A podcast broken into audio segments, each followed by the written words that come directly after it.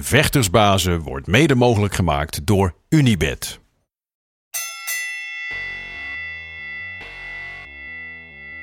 Are you ready for Vectorsbazen?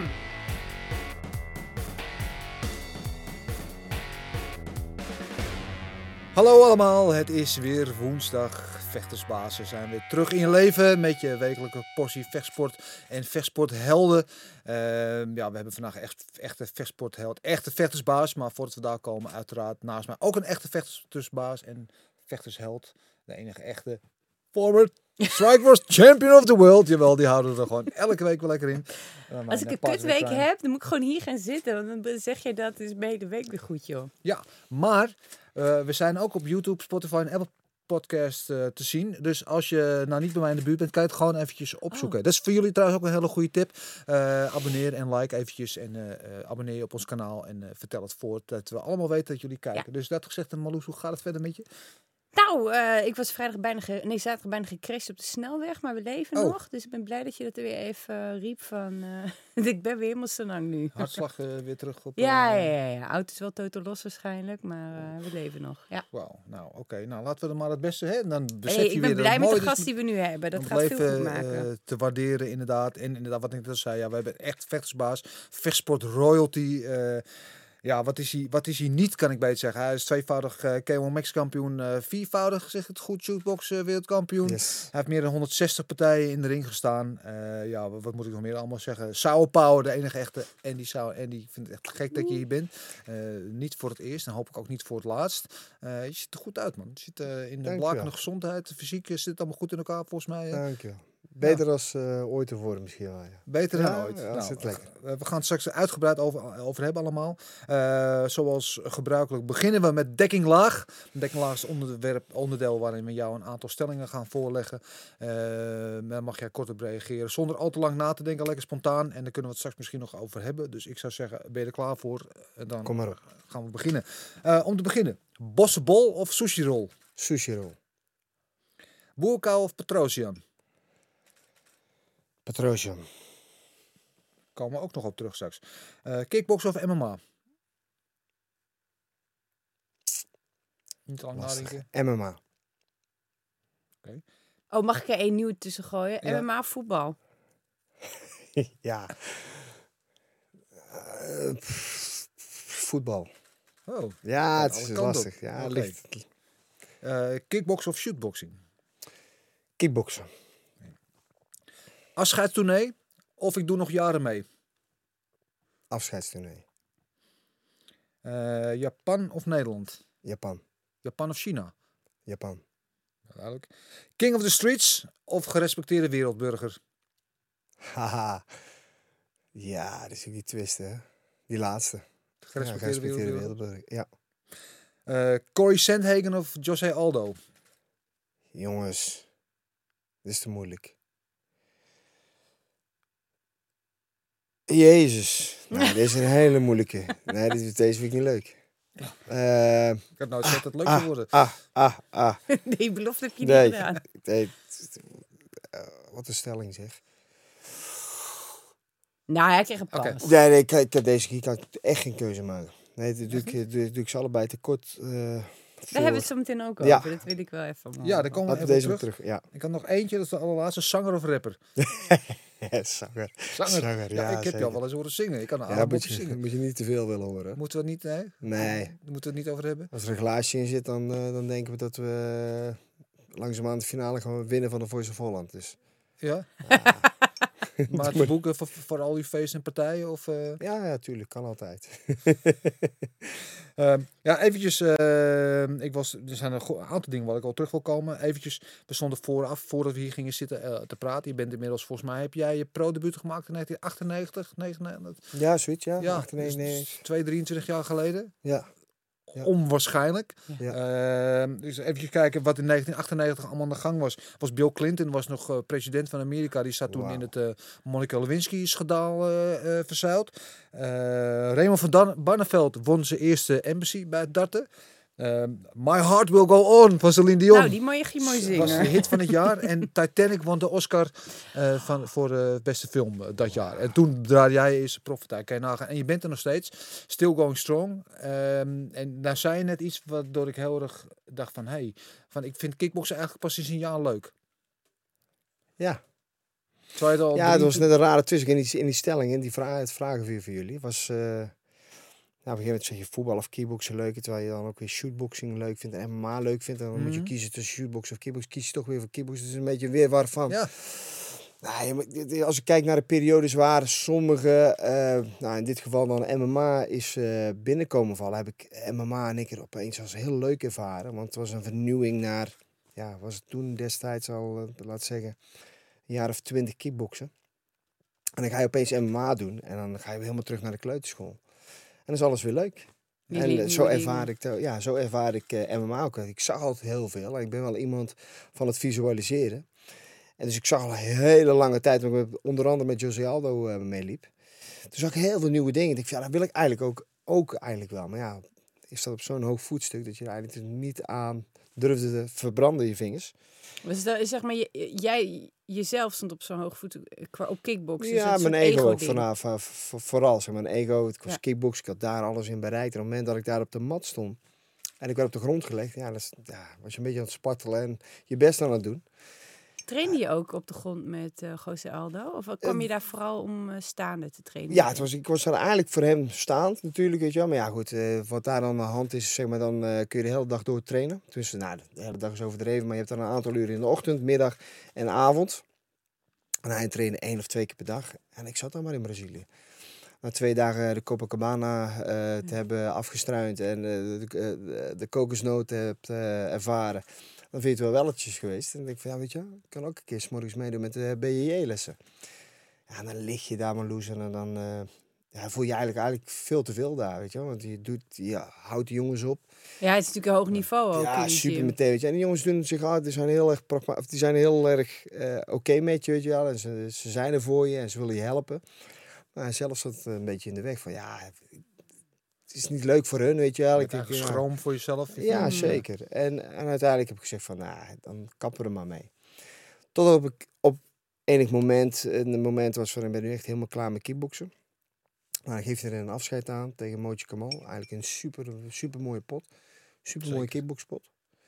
En uiteindelijk eh, ga je dan MMA doen. En dan wordt het opeens weer allemaal leuk. Wacht even, wacht. Dat, dat, dat, dat gaat nu gaat het snel. Dus je had je afscheidpot. En wat gebeurde waardoor je MMA ging doen? Na die Dat was eigenlijk de keuze. Ik eh, wilde eigenlijk stoppen met kickboksen. Ik was wel een beetje opgebrand in mijn hoofd. En fysiek ook. Ja, fysiek niet zozeer. Maar voornamelijk in het hoofd. Had ik zoiets van, ben zo klaar met het kickboksen. Altijd maar weer hetzelfde. En toen zei ik van, nou, ik wil het wel eens gaan proberen. Hè, na jarenlang eh, te, te hebben gezien. Hoe, eh, sorry dat ik, eh, daar ben ik, ik, herken natuurlijk heel veel in jouw verhaal, dus vandaar dat ik er even op doorga. Ehm, je was mentaal opgebrand, zei je? Ja. Wanneer merkte je dat? Ja, al, al best wel lang. Ja? Best wel lang. Ik, ik vocht gewoon heel erg veel. En eh, zoals ze dat over een samurai zeggen, weet je wel. Je gaat gewoon altijd maar door en je werkt maar door en je gaat gewoon elke keer die battles aan. Weet je wel. Dat wordt verwacht van, de- van de grote baas, om het zo maar te zeggen. En dan ga je maar en dan ga je maar en dan ga je maar. En op den duur ben je gewoon klaar, ben je op. Heel vaak in die, in die golfbeweging gezeten van eh, lekker voelen, niet lekker voelen. Dus eh, dan weer heel depri, dan weer helemaal Mhm. apper, apper eh, fijn, weet je wel. Vooral na het gevecht, weet je wel. Wat bedoel je met depri? Ja, van het, het, het beseffen dat je niet veel meer kan dan dit, weet je, dan het vechten. Is dit Eh, alles, dat gevoel? Ja, ja, in principe dat Ja. ook.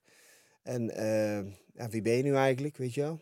Ben je alleen die kickboxer Andy? Want zo word je ook overal gezien. Je bent eh, Andy Sauer, de kickboxer. Je kwam nooit zeg maar ergens een verjaardag binnen en je kon zeggen wie je was. In een Iedereen wist hoekje het gaan al. zitten en mijn gebakje opeten zo. Gebakjes eten ik wel. Maar eh, het, het eh, vermijden van, de, van vragen vuren. Van hey, hoe is het geweest? Wanneer moet je weer vechten? Ja. En dat soort dingen. Ja, die moet je elke keer maar eh, aangaan. Dus eigenlijk moest je iedere keer in, in, in, in die identiteit kruipen en daardoor werd het je hele identiteit. Zeg ik Ja. dat goed? Ja, ja, ja. Maar Als je ergens een, een, een stemmetje in je hoofd had, die zei van luister eens, eh, eh, hier heb ik geen zin in. Hier heb ik gezegd, waarom, maar waarom heb ik er geen zin in? Nou, die vraag, tot die vraag kwam ik altijd, want ik durfde eigenlijk niet verder te vragen naar mezelf. Toen die, die spiegel niet eh, in mijn gezicht te stoppen. om verder te ontwikkelen. Van ja, misschien is er wel meer dan alleen kickboksen. Weet je? Dus uiteindelijk kom je op dat soort eh, momenten kom je jezelf zo vaak tegen. En dan, eh, ja, dan raakte ik in verval, om het zo maar even te zeggen. En ehm, toen dacht ik, ja, ik moet mezelf weer bij elkaar rapen. We gaan gewoon weer, hup, pak je spullen weer. We gaan weer terug de sportschool in. En eh, zo snel mogelijk weer de partij. Want dan kom je weer in een bepaalde flow, structuur terecht. Ja. Dat je maar weer kunt gaan. Ja, Als je wel hoeft na te denken. sorry. Sorry. Ja. Dat Nee, je ben niet hoeft na te denken. Ja, juist, dan hoef je niet na te denken. Ja, maar je komt dan in die structuur terecht die- je gewend bent. En, eh, en dan ben je weer gewoon weer die kickboxer. Eh, en dan wordt het, ik zeg niet aangenaam, maar dan wordt het wel weer oké. Dan zit je weer op een eh, gebalanceerde flow voor je gevoel. Maar dat is eigenlijk niet. Maar dan uiteindelijk kom je zo vaak, krijg je die klap. Beetje Zo. automatisch piloot ging je dan. Exact. Ja. Toen kwam opeens MMA. Ik dacht, ja, ik ga het gewoon doen. Ik ben 31 of 32 geloof ik eh, dat ik was. Nieuwe prikkel. En ik liep al jaren mee, weet je wel, met, met, met Aldo. Zes, zeven keer naar Brazilië geweest. Hij een keertje naar ons gekomen. De allereerste keer. Ik denk, ja, ik ga het gewoon proberen. Misschien is dat wel eh, vernieuwend en word je hier weer blij van. En dan eh, is het helemaal anders. En er waren ook heel veel dingen anders. Onder andere ja, leerstof en andere dingen. Uiteindelijk het gewicht maken, de wedstrijdstress. Uiteindelijk bleef dat hetzelfde. Dus ik was mezelf een beetje voor de gek aan het houden. Maar tegelijkertijd heb ik het echt als super ervaren. Dus daarom ook eh, het antwoord net van... Ja, ik vond MMA eigenlijk wel even leuk eh, in vergelijking tot kickboksen. Ja, dat, dat heb je geprobeerd? Ben je er dan achter gekomen van, nou, ik heb toch wel zo'n grote achterstand in de korte tijd die ik misschien nog heb, dat dit ook niet gaat worden? Of, Ja, ja, ja, dat is ook wel, een, wel eh, het ene kant van het verhaal. Ik was gewoon, ben, ben gewoon te laat begonnen. Maar ik vond wel persoonlijk, en dat werd ook in mijn oren gefluisterd door, eh, door mijn trainers, van ja, ik had wel de, ja, ik had er wel een beetje feeling voor. Ja, toch een beetje een atletisch vermogen, dus dat niet heel krap. Ik wil het zeggen, ik denk, maakt niet uit welke sport jij doet, je hebt overal feeling voor. Ik heb Ja. er zo in thuis zitten, die kan ook alles. Ja, Dat- zo'n Volgens mij als jij gaat tennissen, sla je ook iedereen van de baan. Weet ik niet. Ja, moet je maar eens gaan doen. Ja, wie weet. Nee, dus ja, op een gegeven moment zit je dan een 2,5 jaar in, in het MMA. En dat, dat was- heb ik al als leuk ervaren. Maar tegelijkertijd eh, kom je weer tot het besef dat je gewoon zo ver achterloopt. En dan loop je in een armklem terecht.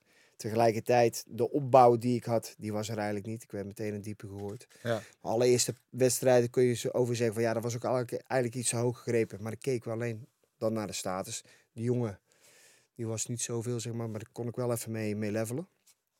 Maar in de eerste heb ik ook alles gezien. Ik heb op mijn rug gelegen, ik heb bovenop gelegen, ik heb in de klem gelegen, we hebben staand gevochten. Dus ik had alles wel een beetje eh, gehad in de eerste partij. En de tweede partij sta hij tegenover Darren Cruikshank, eh, een veteraan in de, in de UFC. Weet je wel, en dan eh, volgens mij in de tweede div- divisie worstelaar, zwarte band, taekwondo-ka. ja. Ja, en dan word je meteen naar- op de grond gelegd. Naar één stoot of één lokie, geloof ik. Ja, en dan, en dan kom je heel erg tot besef van... Ja, ik ben nog helemaal niet zo ver. Hoe kan dat nou? Hoe kan dat nou? En dan ga je weer twijfelen aan jezelf. Ja, en twijfel. Dan weet je als geen ander. Dan eh, Mhm. ga je verliezen. Dus toen had ik gezegd van... Ja, jeetje, het is wel lastig dit zo. Hè? En toen kreeg ik opeens ook eh, ergens eh, halverwege een aanbieding... om een keer terug te komen naar het kickboksen. Nou, daar flirt ik een beetje mee. En uiteindelijk doe je dat. En dan denk ik, ja, ga toch weer terug naar de kickboksen, toch iets makkelijker. En dat is vertrouwd. Maar die weg, of tenminste de weg van 2,5 jaar MMA en terugkomen naar het kickboksen, ja, die heb ik gewoon onderschat. Ja, wat dan? Ja, ja ik denk van ja, kickboksen ken ik, ken ik sinds jaar en dag. En eh, dat pak ik wel weer snel op. Maar de mindset was er ook niet. Dus, het is- het Nee. was een beetje tweeledig, weet je wel. Ik had ook al zoiets van, ja, kickboksen, ja, dat lukt mij wel weer. Dus de mindset was ook weer niet van, nee, er staat een jongetje op je te wachten die je gewoon eh naam wilt maken op je, via jouw naam. ja. Dus wees daar alert op, Sauer. Nee, ik dacht, ja, die doe ik wel eventjes. Bedrag die ik ervoor Meer kreeg proteïne, maar zonder lag je hart er wel in, eigenlijk. Sorry? Lag je hart er nog wel in? Nou, eigenlijk niet. Dus achteraf gezien, ja, weet je, in die tijd zat ook Sven Kramer eigenlijk met het probleem dat hij 10 kilometer niet kon winnen. Dus ik vergeleek mezelf een beetje met hem. Op een gegeven moment had je het gewoon niet meer en eh, voelde het een beetje als eh, de koekjes op. Dus ik verlies die partij ook heel hard. En terecht ook. Maar ik merkte wel aan mezelf, ik had die echte wedstrijdspanning niet. Ook in de, in de voorbereiding, ook, eh, die, die piek durfde ik niet te maken. Die wilde ik niet maken. Ik wilde dat extra stapje niet zetten. Hoe komt het dan, denk je? Ja, vertrouwen op, eh, op je ervaring en eh, misschien het niet meer willen. Het niet Wil die niet, wat, wat bedoel je er eigenlijk mee? Bedoel je ermee dat je die, die wedstrijdspanning, dat je niet meer in die, die nare adrenaline. Dat je denkt, oh, ben ik toch weer aan begonnen. Dat dat gevoel een beetje, dat we daar, Ja. bij dat gevoel wilde je niet komen. Nee, want het, het voelde weer van eh, ja, stress. En stress eh, dat heb ik al zo vaak mogen ervaren dat ik, ja, dat ik het niet omarmde. Dat ik Nee, het niet, niet, ik ik. wilde hem ontzien, ik wilde hem wegstoten. En, en momenten eigenlijk, zeg maar, dat je wanneer je die stressfeeling krijgt, wat heel erg goed is natuurlijk. Hè, vooral Mhm. de meeste vechters kunnen dat beamen. Die stress brengt je in een bepaalde extase en vorm en, en men- mental staat, dat je echt die wedstrijd in kan stappen. Wa- Was het dan ook zeg maar dat die... ehm eh, Stefan Struve had het over een vechtersburn-out. Hè? Dus dat Ja. je dan die... Zou je het op, zo kunnen typeren? Dat je, de, dat je niet meer dat potje voorraad had van... Nou, dit kan ik even gebruiken om in, in dat stressmoment te zetten. dat het leeg gewoon was. Die was gewoon leeg. Ja. Die was ook gewoon leeg. Dus dan kom je dan uit, uiteindelijk met, met, met de conclusie dat eh, de zogenaamde koek op is. En dan denk je van, nou, het is er gewoon niet meer. Dus de dag na die pe- bewuste partij ook eh, tegen Thij van Oskan. denk van, ja, die jongen, die jongen heeft gewoon goed zijn best gedaan. Maar het lag ook wel een beetje aan mij. Hè. De, de voorraad was op, zoals je zelf aangeeft. Ja, ik, had, ik had geen stress, ik heb het vermeden. Ik heb... En dan vind je het ook wel oké.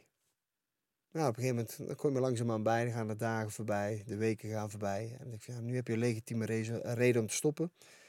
Terugkijken naar het verleden, 168 partijen, toch? Zeg bijvoorbeeld. Ja, ongeveer. Denk ik Dat is toch niet normaal? Give or take a few. Ja, Ja. ja. Even ja, ja. serieus, 168 partijen. Dat is, ja, ik weet. Ja. Ik, als, ik- ik was gisteravond, denk ik, even, even serieus opzoeken. Dat is toch niet normaal? Ik zeg nog maar even voor de zekerheid: die burn-out hebt. 168 Ja, maar wat partijen. mij dus vooral frappeert, dat hij dus net zegt, ik heb pas sinds een jaar heb ik echt plezier in. Wil dus zeggen dat al die grote successen die je behaald hebt, dus het merendeel van die 168 partijen die je gedraaid hebt, dat je die eigenlijk met een soort van tegenzin, of in ieder geval dat je er geen plezier aan hebt beleefd. Ja, ja, tu- tuurlijk doen die winstpartijen. En vooral eh, met, de, met, met, met de gordels om je, om je middel en met de checks boven je hoofd eh, staan. Ja, die doen wel wa- wat met je. Hè. Dat is, is zo euforisch, dus kan niks tegenop natuurlijk. Maar, dus daar doe je het dan wel enigszins elke keer voor. Maar op een gegeven moment, ja, dat brokkelt wel steeds meer af. Totdat je het gewoon, zoals Meloes zegt, het op de automatische piloot doet. En je gaat maar en je doet maar wat er van je verwacht wordt. En er is eigenlijk niemand echt die zegt van dat je het kaart moet doen. Maar het is een gewoonte geworden. Het is Ja. gewoon niet. Het is Het is ook een soort sleur. Als je een kantoorbaan hebt, al. 20 jaar hetzelfde, dan ga je op een gegeven moment ook op halve, pilo, eh, halve kracht Ja. eh, automatisch daar naartoe. Ja. Exact. En dan krijg je wat stoot en die neem je dan ook verliefd. Bijvoorbeeld. En dan eh, een verliespartij. Ja, Dat ik steeds minder erg vinden. ja. En dan zit je echt in die, eh, in die dip. Maar En dat krijg je ook als je dus, kijk, als je heel erg je werk leuk vindt, dan krijg je dat minder snel dan als je, nou, en jij zegt dus, ik heb het al die tijd niet leuk gevonden. Wa- waarom heb je het dan überhaupt gedaan al die tijd? Ja, er is ontstaan vroeger eh, vanuit het verleden eh, een stukje onzekerheid. Een vader die, ja, niet letterlijk met de harde hand, maar die was wel sterk aanwezig, zeg maar. Die ervoor zorgde dat ik ja, wel keihard doorheen moest. Ik moest iets presteren. En ik eh, kon geen training overslaan. Eh, hij wilde gewoon van mij iets maken wat hij misschien zelf wel heeft willen zijn. En dat is prima geweest. En dat kan ik nu op deze leeftijd kan ik natuurlijk dat eh, goed relativeren. Mhm. Hij leefde via jou. Zoals van die stage moms en die mommagers die hun kinderen dan... Ja, exact, weet je. En dan eh, ga, je, ga je elkaar door en hij valt op enige tijd valt hij ook zelfs weg, op een jonge leeftijd, Hoe oud was je toen? 18. En door verschillende herseninfarcten. En dan eh, krijg je ook een bepaalde vorm van vrijheid terug. En die, die pak je dan met beide handen aan. En eh, dat gaat ook niet altijd even lekker. Want ik, eh, de Brabantse seks, hè, de Brabantse nachten zijn lang. Dus dan Hey, je dat- bent 18 en je krijgt voor het eerst in je leven echt de vrijheid feitelijk. Dan ga je Vrijheid, los? veel geld. Want op, de, op dat moment was ik al enige tijd eh, prof. Ik kwam net wel, net niet in Japan terecht. Dus de centjes waren daar, de aandacht was daar. Gelukkig had ik een sterke vrouw die ik gelukkig eh, vandaag de dag nog heb. Dus die was daar altijd. En die heeft, ja, die heeft heel vaak het onderspit moeten delven wat dat betreft. Maar eh, ja, die heeft er echt wel gestaan voor me. Dus die hield mij nog enigszins op, de, op, de, op, de goede, op, de, op het goede pad en in balans. Hoe kijk je daarop terug? Voel je daar schuldig over? Zeg Ja, nee? zeker, Ja? zeker. Tegelijkertijd hebben we daar vaak genoeg over gepraat, waardoor we dus... eh, Is het ook weer- niet wat je nodig had? Als ik er naar luister, denk ik, ja, makes sense. Ja, tuurlijk, tuurlijk. Je bent nog feitelijk een kind, hè? Ja, precies. Ja. Maar dan kun je op dat moment kun je dat niet weerleggen en dan kun je dat ook niet Nee, weet ik. Maar als je er nu op terugkijkt, voel je je dan nu nog schuldig over die periode? Nee, ik zeg dat we hebben nu vaak genoeg over Ja, gesproken. En ook- ik heb met mezelf natuurlijk ook wel, eh, ben ik ook wel in conclaaf eh, geraakt op den duur. En dan eh, kom je wel echt wel tot die... eh, Heb je daar hulp bij gehad? Of heb je dat allemaal Ehm, op eigen kracht gedaan? ik, ik, ben, ik ben wel vaak op zoek geweest naar hulp. En dan wist ik het eigenlijk allemaal wel zelf te vertellen. Oh ja, ja, dus je wilde je? niet echt hulp. Nee, eigenlijk niet. Ik Het is een ik ego van gewoon horen. Ja, ik wil het gewoon horen. Ik wil het gewoon... Ja, ik, ik wil het van anderen horen, wat ik ook al zelf dacht, weet je wel. Maar ja, als je tegen jezelf vecht of praat, dan eh, weet je het af en toe niet, weet je wel. Dus dan moet je dan gewoon een, een, een, een, eh, een besef en tegelijkertijd een bevestiging hebben. Wanneer kwam die kwetsbaarheid? Je, je, want als ik naar je verhaal luister, dan is het overduidelijk dat jij heel erg in de spiegel hebt gekeken, dat je de balans op hebt gemaakt. Maar daarvoor moet je kwetsbaar zijn, want anders doe je dat niet. Kan je, weet je nog een moment of een periode waarin je die kracht vond om zo kwetsbaar te worden naar jezelf? Ja, ik, ik weet van origine gewoon vanaf kleins aan dat ik juist heel kwetsbaar ben. En dat ik me ook altijd wel kwetsbaar heb opgesteld. Ook heel timide opgesteld altijd. En eh, ja, ja ik, dat is mijn origine wel. Dat zijn echt wel mijn, eh mijn wortelen. Sensitief persoon, zeg je ja, dat goed? zeker wel. Zeker wel. Dus je bent eigenlijk gedurende die 168 wedstrijden. eh, Iemand anders geweest. wat zeg je? Iemand anders geweest. Nog één keer? Iemand, an- anders ja, geweest. Maar je zegt ook, ik was wel, die, ik was wel kwetsbaar. Dus wa- de- wa- waar ik nu naar op zoek ben, is van wat is het moment dat jij begon te beseffen van eh, dit is eigenlijk niet wie ik ben. Ik ben door mijn vader feitelijk gedwongen. Ik had op mijn achttiende even die vrijheid. Maar daarna ben ik zelfstandig eigenlijk weer in dat stramien gaan stappen. Wanneer werd je je daar bewust van? Dat klinkt heel stom, hè, maar daar ben ik er altijd wel bewust van geweest. Ik wilde het niet. Ik vond het niet tof. Ik vond het echt niet leuk. Het kickboksen. Ja, met name het kickboksen. Ja. Ja, het altijd presteren. Weet je? Wat vond je er niet leuk aan? Ja, aan de verwachtingen voldoen. Niet mezelf kunnen zijn, weet je wel. Ik- Wat je natuurlijk al heel jong mezelf. had, want je was al vrij jong. Want inderdaad, we hadden het erover, je was al 22 dat je die K1 Max eh, voor Ja. het eerst won. Je kan ook niet meer terug, hè, voor je gevoel. Ja, ja, ja, ja. Hoe kan ik nou zeggen van ik stop ermee? Wat zullen ze niet van me denken? Dus het was dus niet de sport, als ik het goed begrijp, maar meer de druk van anderen, Ja. waardoor je het niet leuk vond. Dus het, het kickboksen aan zich vond je wel leuk? Ja, het is ook niet zozeer. Kijk, laten we wel wezen, het is niet zo 100% dat ik het niet leuk vond. Kijk, als ik Jean-Claude Van Damme keek, de videofilm, die heb ik misschien wel 100 plus keer bekeken. En ik zag hem tegen Tong Po vechten in Thailand, weet je. Ik zeg, dat wil ik ook. Maar echt gevoelsmatig zo'n sterke feeling hebben. Dat zullen heel veel andere mensen ook kunnen beamen. Maar ik, dat moest wel. Ik moest wel, ik moest wel iets, iets zijn. Ik moest wel iets betekenen. Van je vader of van jezelf? Ook wel van mezelf, denk ik. Ja, ik had dus die drang een- had je een wel. Drive, ja, de innere, innere drive die ik ha- had ik wel. Die werd wel aangewakkerd door die oude heer van me. Weet je wel, maar dat ging tegen het is- ik kon het ook niet weer leggen. Ik kon ook mijn emoties niet kwijt. eh, weet je. Ik kon niet zeggen van, hé pap, eh, ik vind het vandaag echt niet meer leuk. En, eh, Nee, maar je moet. ja, weet je, ik, ik sloot me op tijdens wedstrijden op eh evenementjes, kleine gymzaaltjes. Ik kan me nog herinneren dat ik mezelf opsloot op een wc. En daardoor ik mijn emotie even te laten gaan, even huilen. En ik, als ik die deur hier uitstap, ga ik tegen iedereen en alles zeggen. Inclusief mijn trainers, mijn ouders, eh, de meegereisde fans, eh, familie. Ik zeg dat ik stop ermee deze keer. Als klein kind had ik dat. Zo. En dan deed ik de deur open, de slot eraf. Deed de deur open. Nee, die vecht weer. Moet presteren. Moeten Oh, winnen dadelijk. Ja. Als Er je komt natuurlijk ook een beetje die, die, nou, die uitspanningen waar je het net over had. Dat, dat hangt daar natuurlijk ook rechtstreeks mee in verband. Want als je Exact. altijd maar die druk voelt en tegen je zin iets moet Ja. doen. Op het moment dat je die vrijheid hebt, dan, Ja. dan gaan natuurlijk alle trossen los. Ja, Ja. exact. Maar ergens denk ik ook, als jij... Kijk, Moussassi roept ook, ik ben geen vechter, ik hou niet van vechten. Maar ik had heel hard lachen. Ik denk, dude, jij hoeft al lang niet meer te vechten en jezelf te bewijzen. En je vecht nog steeds. Dus dat betekent dat je het heel erg leuk vindt.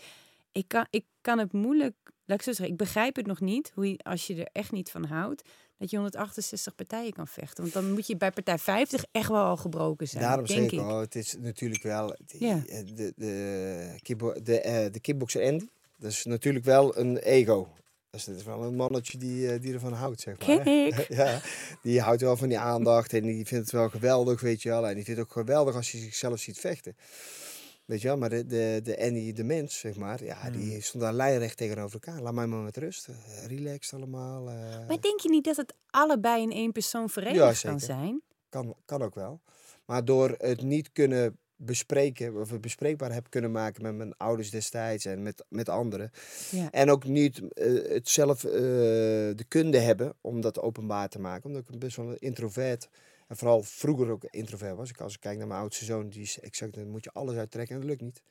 En aan de ene kant begrijp ik je, en aan de andere kant denk ik van ja, word nou niet hetzelfde als mij, weet je. Ga gewoon, Ja, ja, je ja. spuit er gewoon uit, weet je. Ik kan je helpen, weet je. Ja, maar ga je dan ook anders met je kinderen om? Want ik denk dat iedereen in de hele wereld altijd zegt van... Nou, ik ga het heel anders doen dan mijn ouders, want wat die fouten die zij gemaakt hebben... Ga ik, Ja. weet je, en uiteindelijk Heel dan, eerlijk, dan Dan, maken we ja. de helft van dezelfde fouten weer als onze ouders. Maar met wat jij hebt meegemaakt, bewust dat je je onder druk gezet voelde door je vader... Hè, Ja, ga je daarom ook anders met jouw kinderen om? Daar heb je zoiets van, ik wil het anders eh, meegeven. dat dacht ik ook altijd. Maar op een gegeven moment als er op jouw netvlies bepaalde dingen eh, nog staan, eh, zeg maar, eh, situaties of manieren van. Mijn vader had maar één weg en dat was met een hele hoge stem.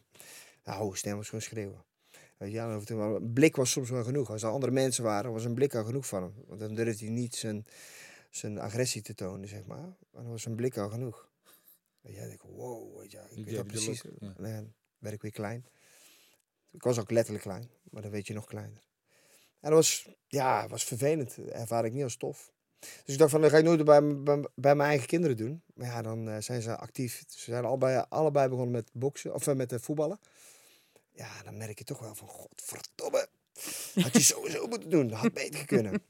Maar goed, eh, hè? aldoende leert mij. Je bent er bewust van. Dat is toch Nou, al meer dan wat je vader deed. dacht Zeer zeker, Ja. maar dat gevoel wat die oude heer had, ja, die heb ik ook wel. Ja. En of dat aan mij aan is geleerd of dat, dat, gewoon letterlijk in de genen zit, is dan nog maar de vraag. En je maar hebt ik heb natuurlijk wel- vuur in je, anders word je geen vechter. Ja, ja, dat is ook weer die ego. Dat is die ene ego die ik ook wel fijn vind hoor. Die waar we het net over hebben. Want als, je, als ik word geraakt, dan staat mijn ego op het spel.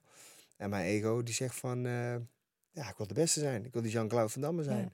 Ja, maar en tegelijkertijd, als ik naar jou luister, denk ik, dat is wel iemand die zijn ego ook heel klein heeft gekregen door alles wat hij heeft eh, meegemaakt eh, Ja. in, in zijn, nou, op zijn levenspad, zeg maar. Hoe, hoe kijk je daar zelf tegenaan? Ehm, ja, nu, nu vind ik het wel een... eh, als ik uit mezelf stap, om het zo maar even te zeggen. denk ik van ja, het is wel, een, het is wel allemaal logisch wat er is gebeurd. En accepteer het ook, kan ik het ook wel... maar ik wil er ook wel zeker iets mee doen, weet je. Dus als ik weer terugstap in, mijn, in, in, in, in, de, in de rol die ik ook voel, die ik moet, moet hebben, is dat ik het ook gewoon ga delen. Dat ik het ook voelbaar, zeg maar, ehm, verpli- een verplichting, een verantwoording voel. Dat ik dat ook ga, En Hoe wil je delen? ga delen. Sowieso met mijn eigen jeugd, met mijn eigen leden, met mijn eigen pupillen. Die wel een, een bepaalde eh, afslag willen maken. Of in ieder geval een inslag willen maken in het vechten. Dat is één. Nou, dat hoor je wel vaker. Hè? Dus, eh, maar die erva- ervaring wil ik gewoon delen. Of dat nou op mentaal gebied is, fysiek gebied is. Vooral fysiek. Hè? Ik wil de jongens ook echt wel veel wijzer maken. En met name in de vechtsport natuurlijk. Dan menigeen doet, zeg maar. Kijk, wat, vaak wat je ziet binnen de vechtsport. eh, we hebben het er net heel lichtjes over gehad. De jongens kunnen gaan. En daar wordt ook vaak geprikkeld bij heel veel jongens, zeg maar. Maar er is nog veel meer dan dat, weet je. Er is een heel scala aan Vertel. ideeën, methodiek. Ga helemaal los, want ik vind dit heerlijk. En Ja, jij ook, dan hè? wordt Ja, het, dan wordt ga het los. een lesje... Nee, Doe maar. Nee, dat is tof. ik, Doe ik, dat. Ik, ik probeer de- jongens eigenlijk, zeg maar, een, de sport, zeg maar, te lezen. Zeg maar, dus niet alleen, zeg maar, eh, lukraakt elkaar de hersenen inslaan is. Mm. Dat je niet alleen maar vooruit hoeft te gaan. Dat is een- zeker een heel groot onderdeel, want die vechtlust moet er zijn. Want anders kom je niet veel, veel, veel, veel verder. Maar dat je ook wel een, een, een pad in kan slaan, waarbij je dus ook slimmer wordt. Een mooie, m- m- ja, het schiet me nu te binnen. Ik kijk gisteren een partij. eh, ik werk heel nauw samen met de jongens van Fighting Talents, Isham en eh Oussama El Gawi. En die hadden, jongen, die hadden gisteren een jongen vechten ergens in België. En dan zie je dat zo'n jongen heel veel capaciteit en kwaliteit heeft. Van lekker knokken, knokken, knokken en naar voren gaan. Terwijl er zoveel momenten zijn dat je kunt zeggen van luister, ik stap een keer opzij. Ik stap een keer naar achteren. Ehm, ik ga iets met mijn uitstraling doen. Want het is ook veelzeggend. Hè? Veel jongens hebben deze uitstraling van ik, eh, ik ben hier om oorlog te voeren.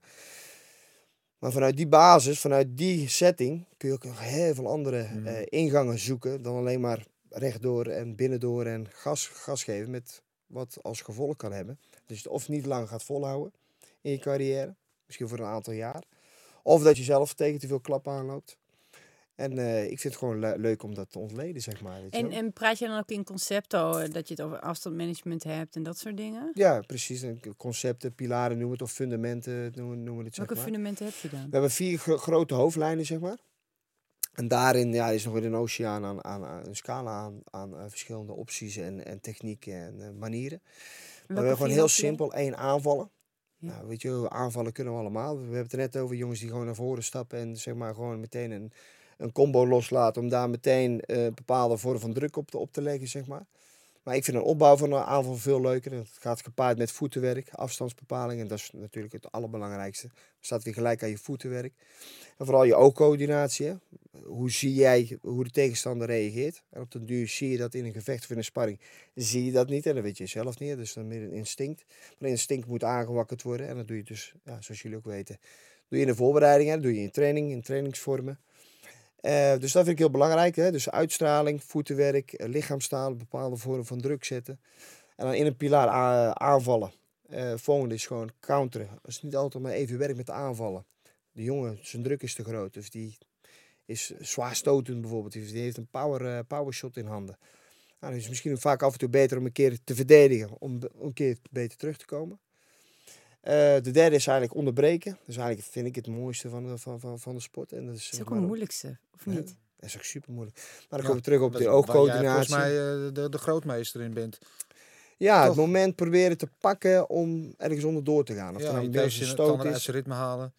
Ja. Ja. Je weet zelf wel op het moment dat als jij een, een, een salvo loslaat aan aanvallen en je kan hem verdedigen, nou, dat voelt goed. En dan ben je ook geneigd om dan terug te komen. Dan heeft vaak een tegenstander ook zoiets van, ja, dan kom jij ook maar terug. Dan zie je vooral in het het geven, nemen, geven, nemen, over en weer steeds weer. En dan kijken wie ja, de grootste hart heeft, de meeste conditie heeft misschien ook wel. Die trekt dan het langste eind. En ik vind het juist, juist leuk om te zeggen van, luister eens, ja, jij geeft een keer wat. Maar als ik een herkenning heb van, nou, hij geeft nu al zo vaak de jab, even puur voor het gemak. Hij geeft nou nu jab, op een gegeven moment voel je hem. Dan heb je hem. En dan gooi je een hand eroverheen of een trap onderdoor, weet je. En dat is wel een beetje een dingetje. Waar ik in het derde principe, zeg maar, in, in train, zeg maar, met de jongens train. Om ook, ook te ontvangen, dus het voelbaar of in ieder geval zichtbaar eh, de tegenstander jou het gevoel te geven van dat hij mag komen. En dat je hem daar eigenlijk gebruik van maakt, dat je hem onderbreekt. En dan weet je zelf als geen ander. Op het moment dat jij verrast wordt als vechter, ja, dat is gewoon niet leuk. Als jij denkt dat je a- tegenstander mag aanvallen. Ja. En je wordt onderbroken zonder dat je het in de gaten hebt. Ja, dan beginnen die afbraakmomentjes te komen. En die hoeft niet direct tot de KO te leiden. Maar op den duur Creëert openingen. creë- creëer dat en openingen. Twee schrikmomenten. Het ontmoedigt je tegenstander natuurlijk ook. Want als je elke keer als je wat wil doen, eh deksel op de neus krijgt, dan ga je toch twee keer nadenken. Ja. ja. Kruipen ze in de schulp. Ze gaan denken. Op het moment dat ze gaan denken, hoef ik niet meer te denken. Kan ik het spel spelen die we getraind Dan hebben. zijn ze al te laat. Dus we zitten in drie, is de derde en de vierde is eigenlijk alles die een beetje werkt, zeg maar, weet je wel. Dan moet je wel weer terug naar dat verhaal waar we het net over hadden. Dan gaan we gewoon in de knokstand. En dan gaan we oorlog voeren. En dan zien we wel waar het schip strandt. En dan gaan we gewoon. Ja. Dus en is dat is gewoon een mix van, hè. Dus het ik wil is het niet zeggen, want het is niet dat je van, eh, van 1 naar 2 naar 3 naar 4 en bij 4 is, ga je eigenlijk weer terug naar 1. Het is, je Nee, gooit nee. 1, 2, 3, 4 wel allemaal Ja. door, door elkaar. Het is wel alles, alles moet voelbaar zijn. Alles op instinct. Dus, dus Dat vind ik interessant. ik ben daarvan. Ja. Dit is ook voor mij even heel letterlijk gezegd. Het is niet altijd zo. Hè. In het begin wil ik jou gewoon testen. Of ik nou een sparring doe of ik in een wedstrijd sta, weet je wel. Ik, ik wil niet op voor verrassingen komen te staan. Dus wat ik doe, ik ga wel, mijn uitstraling moet correct zijn. Weet je wel? Dus ik laat niet aan de juryleden zien van, ho, kijk eens hier, ik ben hier de angsthaast en ik eh, ben alleen maar aan het, aan verplaatsen en aan het eh, verdedigen en eh, weg aan het draaien. Zozelfde geldt dat ook voor de tegenstander natuurlijk. Hè? Van, hey, luister, als ik meteen laat zien dat ik geen zin in heb, dan eh, ja, geeft hem 200% vertrouwen. Dus ik ben, qua uitstraling ben ik heel nauw bezig met van, hey, wel de uitstralingen van ik ben hier. Ik ben hier de hongerige leeuw. Maar ik ben niet direct de aanvallende partij, zeg maar. En dat kan soms wel zo zijn. Als hij daar onder de indruk is, ja, dan krijg ik zelf ook vertrouwen. Dan ga ik langzaamaan in de opbouw werken. Dus ik ben daar eigenlijk wel, eh, met, met, qua instinct ben ik heel erg bezig van op gevoel. Totdat ik juist die erkenning heb van, hé, hey, hij doet niet veel. Of hij heeft eh, zichtbaar last van mijn druk. Of zichtbaar eh, last van mijn uitstraling. En vanuit daar ga ik dingen ontplooien, ga ik ontwikkelen. Ga ik gewoon mijn afwerking maken. Hoofd, lichaam, benen. Het zo moeilijk mogelijk maken voor hem. We maken er een soort van, nou, voor jullie vorige gast, of de gast daarvoor, Shabari had daar ook een mooi handje voor. Die eh, schakelde ook wel. Hè. Die had ook wel zoiets van eh, zoveel mogelijk afwisseling, links, rechts voor staan. Ja. Ben ik daar niet een voorstander van, omdat het mij persoonlijk niet ligt. Maar dat kan altijd. Hè. Dus Ja. ook naar mijn leden, leden toe, als ze dat wel hebben. Ja. Maar dan moet het wel Maar er in... zijn er maar heel weinig. Die was Valdi was iemand die dat goed Ja, kon, maar er zijn er maar weinig. Ja, we hadden het gekozen. Dat was ook met zijn, eh, omdat hij maar één Oog. oog heeft, met het Ja. meten van de afstand. Dus daarom moest hij dat wel doen. Ja.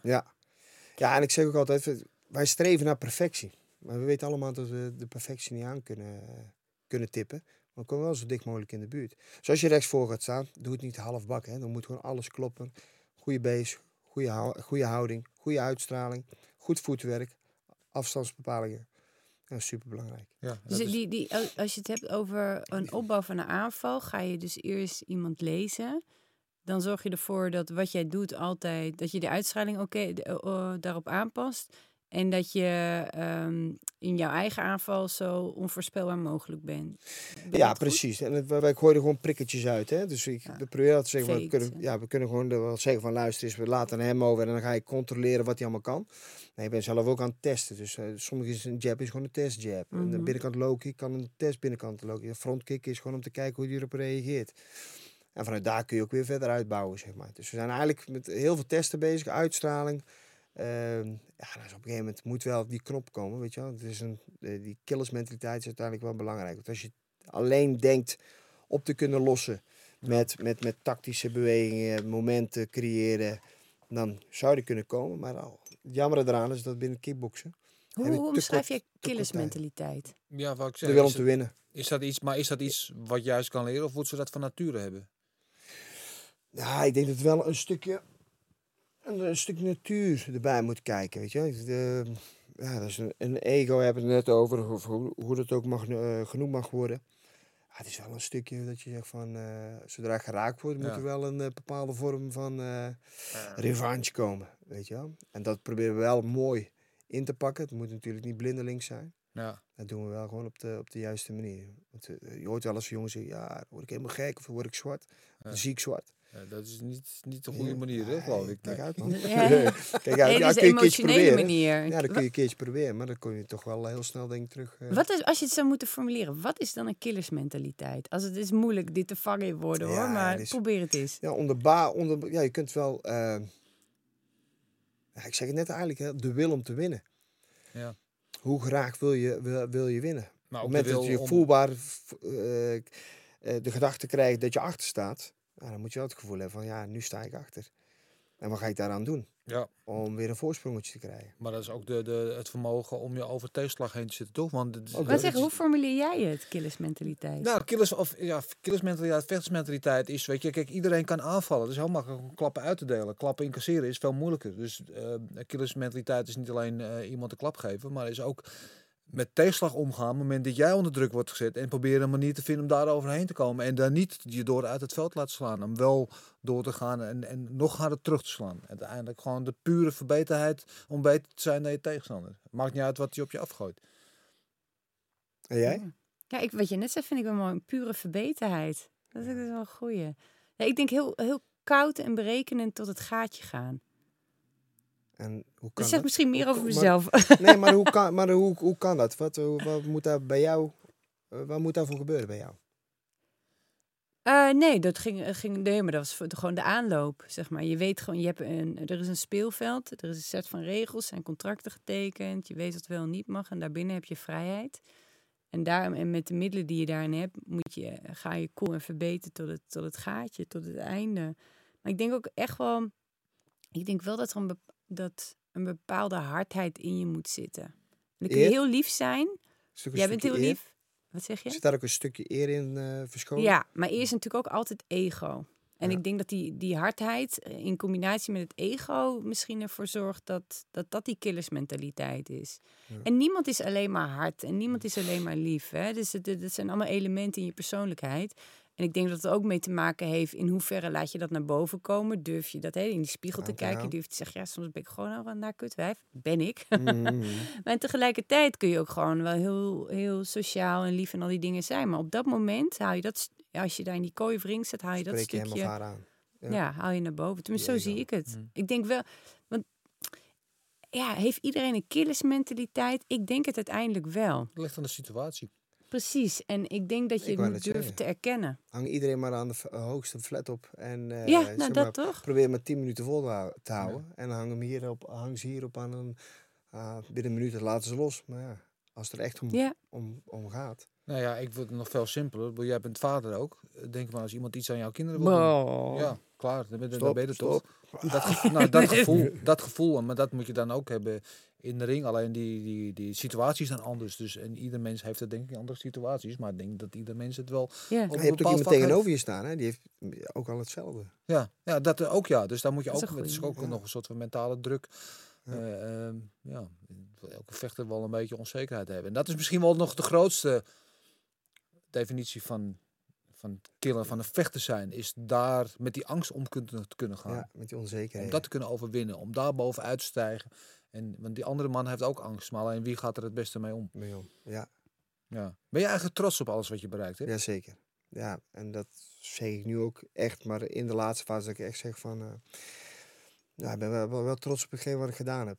En Ja. Misschien moet ik wel het meest trotse zijn eh, van, van allemaal. Ja, maar eh, zeggen. te- terecht, want je bent een van de allerbeste vechters die we ooit gehad hebben. Ja. Weet je, en je hebt een palmares, dan zeg ik u tegen. En weet je, ik noemde maar een fractie van alles wat je bereikt hebt. Maar ik kan me ook voorstellen, wat jij net allemaal zei, dat je daar weinig plezier aan beleefde. Dat jij op je 22e die Camel Max won, dat je daar helemaal niet zo trots op was. Ik was wel trots op. Ik, ik vond het ook fijn dat andere mensen het ook fijn Ja. vonden. Dat ze het ook geweldig vonden. Dus dan vond ik ook heel fijn kon je er ook van voor die genieten? mensen. Ja, naar mijn inner niet echt direct, weet je wel, maar wel een beetje voor de buitenwereld. En ik vond het ook wel fijn dat andere, wat ik zeggen, andere mensen het leuk vonden. En ehm, ik genoot er ook wel van. Maar als ik nu terugdenk van, hoe had ik me kunnen voelen? Ja, dan wa- dan was het wel veel intenser geweest, weet je. Een mooi voorbeeld daarvan ook is, ik heb, in mijn ik heb nu 11, 12 jaar in de sportschool. Ik heb nog nooit, zeg maar, mijn gordels of zo bijvoorbeeld opgehangen in de sportschool. Nog nooit, geen fotootje van mezelf, niks. Heb ik nu dus wel gedaan. Goed zo. Twee, anderhalf jaar geleden. Twee jaar Heel geleden. goed. Ja. Waarom deed je dat niet? Ah, is, is nergens nodig. Vond ik. Weet je wel. Ben ik dan niet eh, de arrogante kerel, weet je wel. Het eigenlijk gewoon bullshit is, hè, wat ik nu zeg. Hè. Ik praat nu Ja, ja, Tegen de ja, oude Andy. ja, ja. Het is gewoon bullshit, hè. Ja.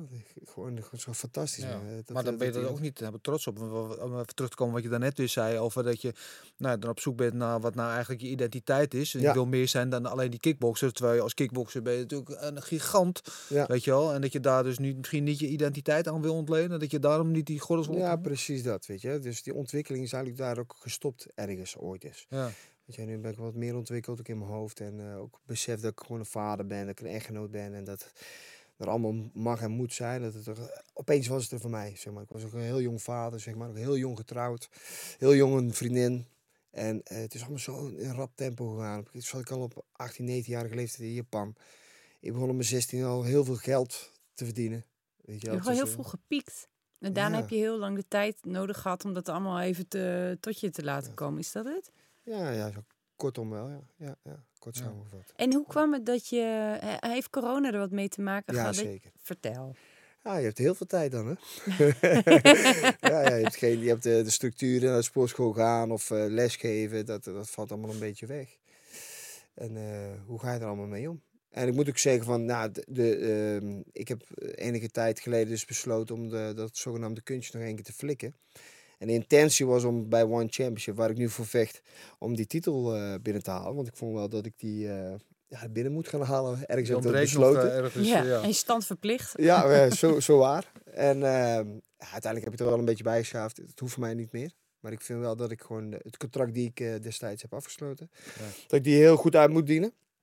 Dus ik had er een stap voor gemaakt. En ik, eh, ik heb als het ware alles aan de kant gezet. Behalve de sportschool en mijn gezin natuurlijk. Alles aan de kant gezet. Gewoon één weg nog maar. Dus old school, eh keihard trainen. Jezelf weer aangenaam voelen in, eh, ja, op de trainingen. Niet per se meer twee keer per dag hoeven te trainen of moeten trainen. Dat is misschien nog wel eh, beter gezegd. En niet twee keer per dag en dan twee keer toch stuk gaan. Wetende dat die ene training misschien wat minder soft hoeft te zijn. En dan toch weer het ego hebben. Dan toch van ja, goed, we gaan nu een loopje aan. Want ik loop wel met twee andere jongens. Weet je, wel, ik moet wel de eerste zijn. Weet je, wel. niet constant die druk van de beste willen zijn. En gewoon een keer een stapje terugnemen. En dan wordt het opeens wordt het weer leuk. Weet je, wel. je bent niet extreem moe meer, overdreven moe. Althans, niet moe, overdreven vermoeidheid, wat niet nodig Omdat is. je er bewuster mee bezig bent nu. Ja, Het plezier kreeg weer de- teruggevonden. Ja. Ja. daardoor ook. Dus Dus dat je het ego een beetje aan de kant deed, kreeg je vrijheid terug en daarmee plezier. Ja, ja, dat is ook Ja. weer een mooie...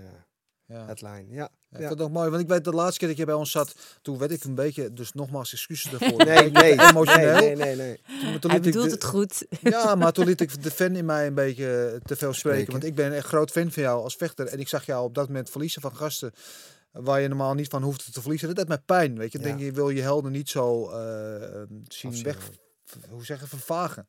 En, eh, ehm, weet je, en ik dacht, van, ja, doe het dan maar niet. En, en dat heb ik toen ook tegen, zo tegen jou gezegd. En dat, maar dat heeft ook alles mee te maken. Dat je natuurlijk gewoon niet lekker in je vel zat en eigenlijk geen zin meer in had en een beetje plichtmatig te stond. En dan zag je je laatste wedstrijd afgelopen december tegen Zheng, eh Chen Yu, of nou ja, Zheng. Chinees. Ehm, dacht ik, hé, hey, verdomd man, daar heb je Andy Seil weer. Back! Ja, dus zag ik weer gewoon eh, ja, wie jij bent, wie, hoe ik jou altijd heb gezien. Met de combinaties, met het druk zetten, met de verbeterheid. En vooral inderdaad de, de, de, de, de drive, de wil om te winnen en de wil om te laten zien. En dat je er weer plezier in had. Ja. Ja. Ja, ja, ja. Klopt ja, dat een beetje? Ja, zeker. Er waren, ik heb wat dingen daarvoor moeten doen natuurlijk. Weet je wel. Ik gezegd, het is veel makkelijker gezegd van dat je alles aan de kant zet. Weet je wel. Maar je moet daar een, je moet daar een mentale ja, worsteling met, met jezelf aangaan. Wat ik zeg, die spiegeltje voorhouden. Ik had er ook weer iemand voor nodig die mij weer een bepaalde structuur aanbracht. Maar vooral vechtend, weet je wel. Of, ja, vechten niet direct letterlijk vechtend, maar wel gewoon het één, het vuur. En twee, ook weer een stukje methodiek in mijn spel kon brengen. Wat, wat, wat mij makkelijk ligt en waar ik ooit ergens goed in was. Dus ben ik teruggegaan naar mijn oude bokstrainer Ron Roos. Even een eh, shout-out eh, naar hem toe. En eh, ja, die heeft mij helemaal teruggebracht op de rails. eh, met als resultaat dat we zo'n hele vette pot laten zien. Waarbij kickboksen toch wel weer... eh Wat is de, echte kickboksen weer... wat is de eh, methodiek van hem? Want je zei in het voorgesprek ook al van, nou, eigenlijk is er geen betere trainer dan Ja, hij. da- daarvoor zou je hem een keer moeten uitnodigen. Zal die komen? Ik, ik, ik, ik, kan, ik, ja, ik, ik, ik, ik kan dat wel proberen te verwoorden. Maar dat doe ik me en mezelf tekort mee en hem tekort mee om te zeggen van ja, weet je, ja, het, is, het is gewoon fantastisch. Ik zeg ook bij deze, er staat, bestaat in mijn wereld, en de wereld is kickboksen en boksen en ja, MMA heb ik iets te weinig van gezien. Maar moet je zeggen van ja, dat is wel echt wel eh, een van de eh, Ja. betere, ja, hoe je het ook wilt vernoemen naar een mooi metafoortje. Ja, je kunt het een mix van van een Cruijff, een Louis Vergaal noemen, zeg maar. Het is echt een fantastische trainer. En Ja. ja, die heeft mij weer helemaal teruggebracht. En natuurlijk met een eigen wil, sterke wil weer om te winnen. En dan komen we terug in een heel mooi kickboxpartijtje. Volgens mij zat er alles in. Ja, daar zat En, alles eh, in. Dennis, geef daar even je oordeel over, over die partij. Nou ja, het is eigenlijk wat ik net zei. Kijk, Andy, eh, als je vraagt wat Andy zijn sterke punten zijn, Andy heeft eigenlijk het totaalplaatje. Hij heeft Heel goed boksen. Weet je, hij is befaamd om om om zijn levensstoten, zijn lichaamstoten. Eh, maar hij heeft het vermogen om alles bij elkaar te voegen. Dus hij maakt hele mooie bokscombinaties en rondt het af met goede trappen naar de benen. En, en wat hij beter doet ook dan andere vechters, vind ik dat hij... ehm, kijk, veel, zeker uit de Nederlandse school zijn we gewend. Gewoon handen hoog en naar voren lopen. En eentje op je dekking nemen en eentje teruggeven. Dus het is eigenlijk gewoon rij- vrij recht toe, recht aan. En eh, missen vaak het vermogen, vind ik, om uit de baan te bewegen. Dus ook om eens een keer een stoot te ontwijken en dan te counteren in plaats van alleen maar op je dekking te nemen. En dat is iets wat hij heel goed doet. Ehm, alleen de laatste jaren zag je dat gewoon niet meer, omdat het toch een beetje plichtmatig was. Mm. En dan verlies je dus. Dan heb je net niet die extra 5% die je normaal wel hebt. Maar je zag het weer terug in deze partij. En ik zag het in deze wedstrijd zag ik het weer terug. En het druk zetten. En, en met name in die derde ronde wist die arme jongen niet meer wat hij het had.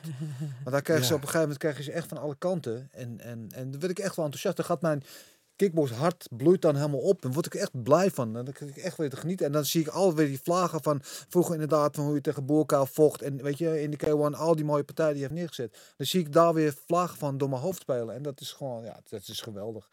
Dankjewel, Dennis. Hey, Ja, hey, volgens- de- hoe is het voor jou? eh, heb je meer mensen als Dennis gehad die zeiden van, nou Andy, wat ben je aan het doen? En hoe was dat voor jou? Nee, ik denk dat ze het ook niet durven te zeggen. Ik heb je altijd gezegd, tien jaar geleden of zo, van ja, ik ben nou wel een beetje eh, moeilijk, het moeilijk te vinden, weet je wel. Ik heb ik altijd tegen mijn naasten gezegd van, eh, luister eens, eh, familietrainers, managers, van mocht het ooit verkeerd met me gaan, hè, dat ik het zelf niet inzie, trek aan de bel en trek me gewoon terug, haal me eruit. Ja, op een gegeven moment ben je er en dan krijg je klappen, ga je neer, ga je knock-out, oogblessures, netvlies, loslateling met als gevolg. En dan ben je nog steeds, ja, op een gegeven moment laat je toch enigszins los, weet je wel. Maar aan de ene kant ook wel, ben ik Maar wel wat een beetje bedoel je mee? Laat ze je los. Ja, je krijgt dan dus niet die wake-up call van de mensen die letterlijk Ja. van, nee, Sao, kap ermee. Het Dus is ik nu ben genoeg eigenlijk de enige die het tegen je gezegd heb. Eigenlijk wel. Wat een lul ben ik ook eigenlijk. Nee, nee, nee, nee. heb ik, het, eh, ik heb het niet laten merken dat ik het niet waardeerde, toch? Nee, nee, dat is waar. Dat Nee, is maar dat nee. vind ik, vind, ik, vind ik best wel eh, interessant dat mensen dat... Ja, slecht in de Ja, zin maar ook van... gewoon dat anderen dat dan... Dat blijkbaar niemand dat in jouw gezicht zegt. Nee. En ik heb toch echt wel hele goede, betrouwbare, Ja. lieve mensen om mij. of weet misschien wilde die het ook niet zien, hè? Dat kan ook. Kan. Maar ik bedoel ook kan ook. gewoon fans. Hoorde je dat ding op social media, whatever. Dat mensen... Dus gewoon niemand zei het eigenlijk. Ja, misschien, maar ja, dat, dat, Ja, daar oordeel ik niet zo wel. eh. hey, maar even K1. Ja. Ik wil even nu alles over Japan horen in K1 en al die dingen. Want je zei net ook sushi. ook. Ja, ja, Ja, ik ja. ben hem ooit tegengekomen naar, naar een wedstrijd in Japan. Kruk- Nee, toen was ik echt krukren. shoppen. En we, gingen twee dingen doen die dag. Shoppen en eh nou, een van de BJ-wedstrijd. Daar had ik niet zoveel zin in, want ik wilde gewoon shoppen in Japan. En tijdens het shoppen kwamen we ergens in een half tempelcomplex. Ik weet niet meer, kwam ik Andy Sauer tegen. Dat was de eerste keer dat ik jou ontmoette. Maar dat was heel kort. Maar toen moest jij volgens mij vechten ook in de Volgens mij een K1. krukren en in uh, Down Under. Of was het K1? Ja, het was, eh weet ik veel, Ja, ik weet- 2000, maar je- begin hoe vaak, hoe 2000. vaak ben jij er geweest? Oh, ge- weet ik niet. Niet zo vaak als jij, want ik heb geen 168 partijen gevochten. Nee, ik wel tegen de 100 aan ik zo. Maar ja, goed, dan, dan nog. Ik, ik weet, ik, dat, eh, ik zeg al, we, we leefden in een stramiel. Hè. Vooral toen, een jonge leeftijd. Je, wordt, je doet wat je gevraagd wordt. Samurai spirit. Maar ik kan het nog wel herinneren dat ik je heb ontmoet. Maar dat ik zeg van, nou, ik heb echt hele duidelijke vlagen, weet je. Van, dat was daar bij een tempel of bij Ja. op, de, dat tijdstip. Of nou overdag was of s'avonds. nee, heb ik, heb ik echt Ja, niet. ik weet alleen dat je me aankeek van, eh loop ze nu al weg? En ik dacht, ja, maar sorry, ik moet schoenen kopen. Oh, de, met de vrouw in tenen. jou. eh, die riep, Wat zei je? Maar van die sokken met die tenen, toch? Die heb je Oh, die serieus, die heb ik wel snoep van Nike gehaald hoor, met die Tabi. eh, ja, ja. Maar hoe was Japan voor jou? Want we dwalen af. Ja, vooral nu. Vooral nu mis ik Japan gewoon heel erg. Ja, is echt bijzonder. Maar Ja. gewoon de rust die daar heerst op een bepaalde manier. Terwijl het daar dus super druk is. Vooral Tokio. Het het loopt allemaal langs elkaar heen.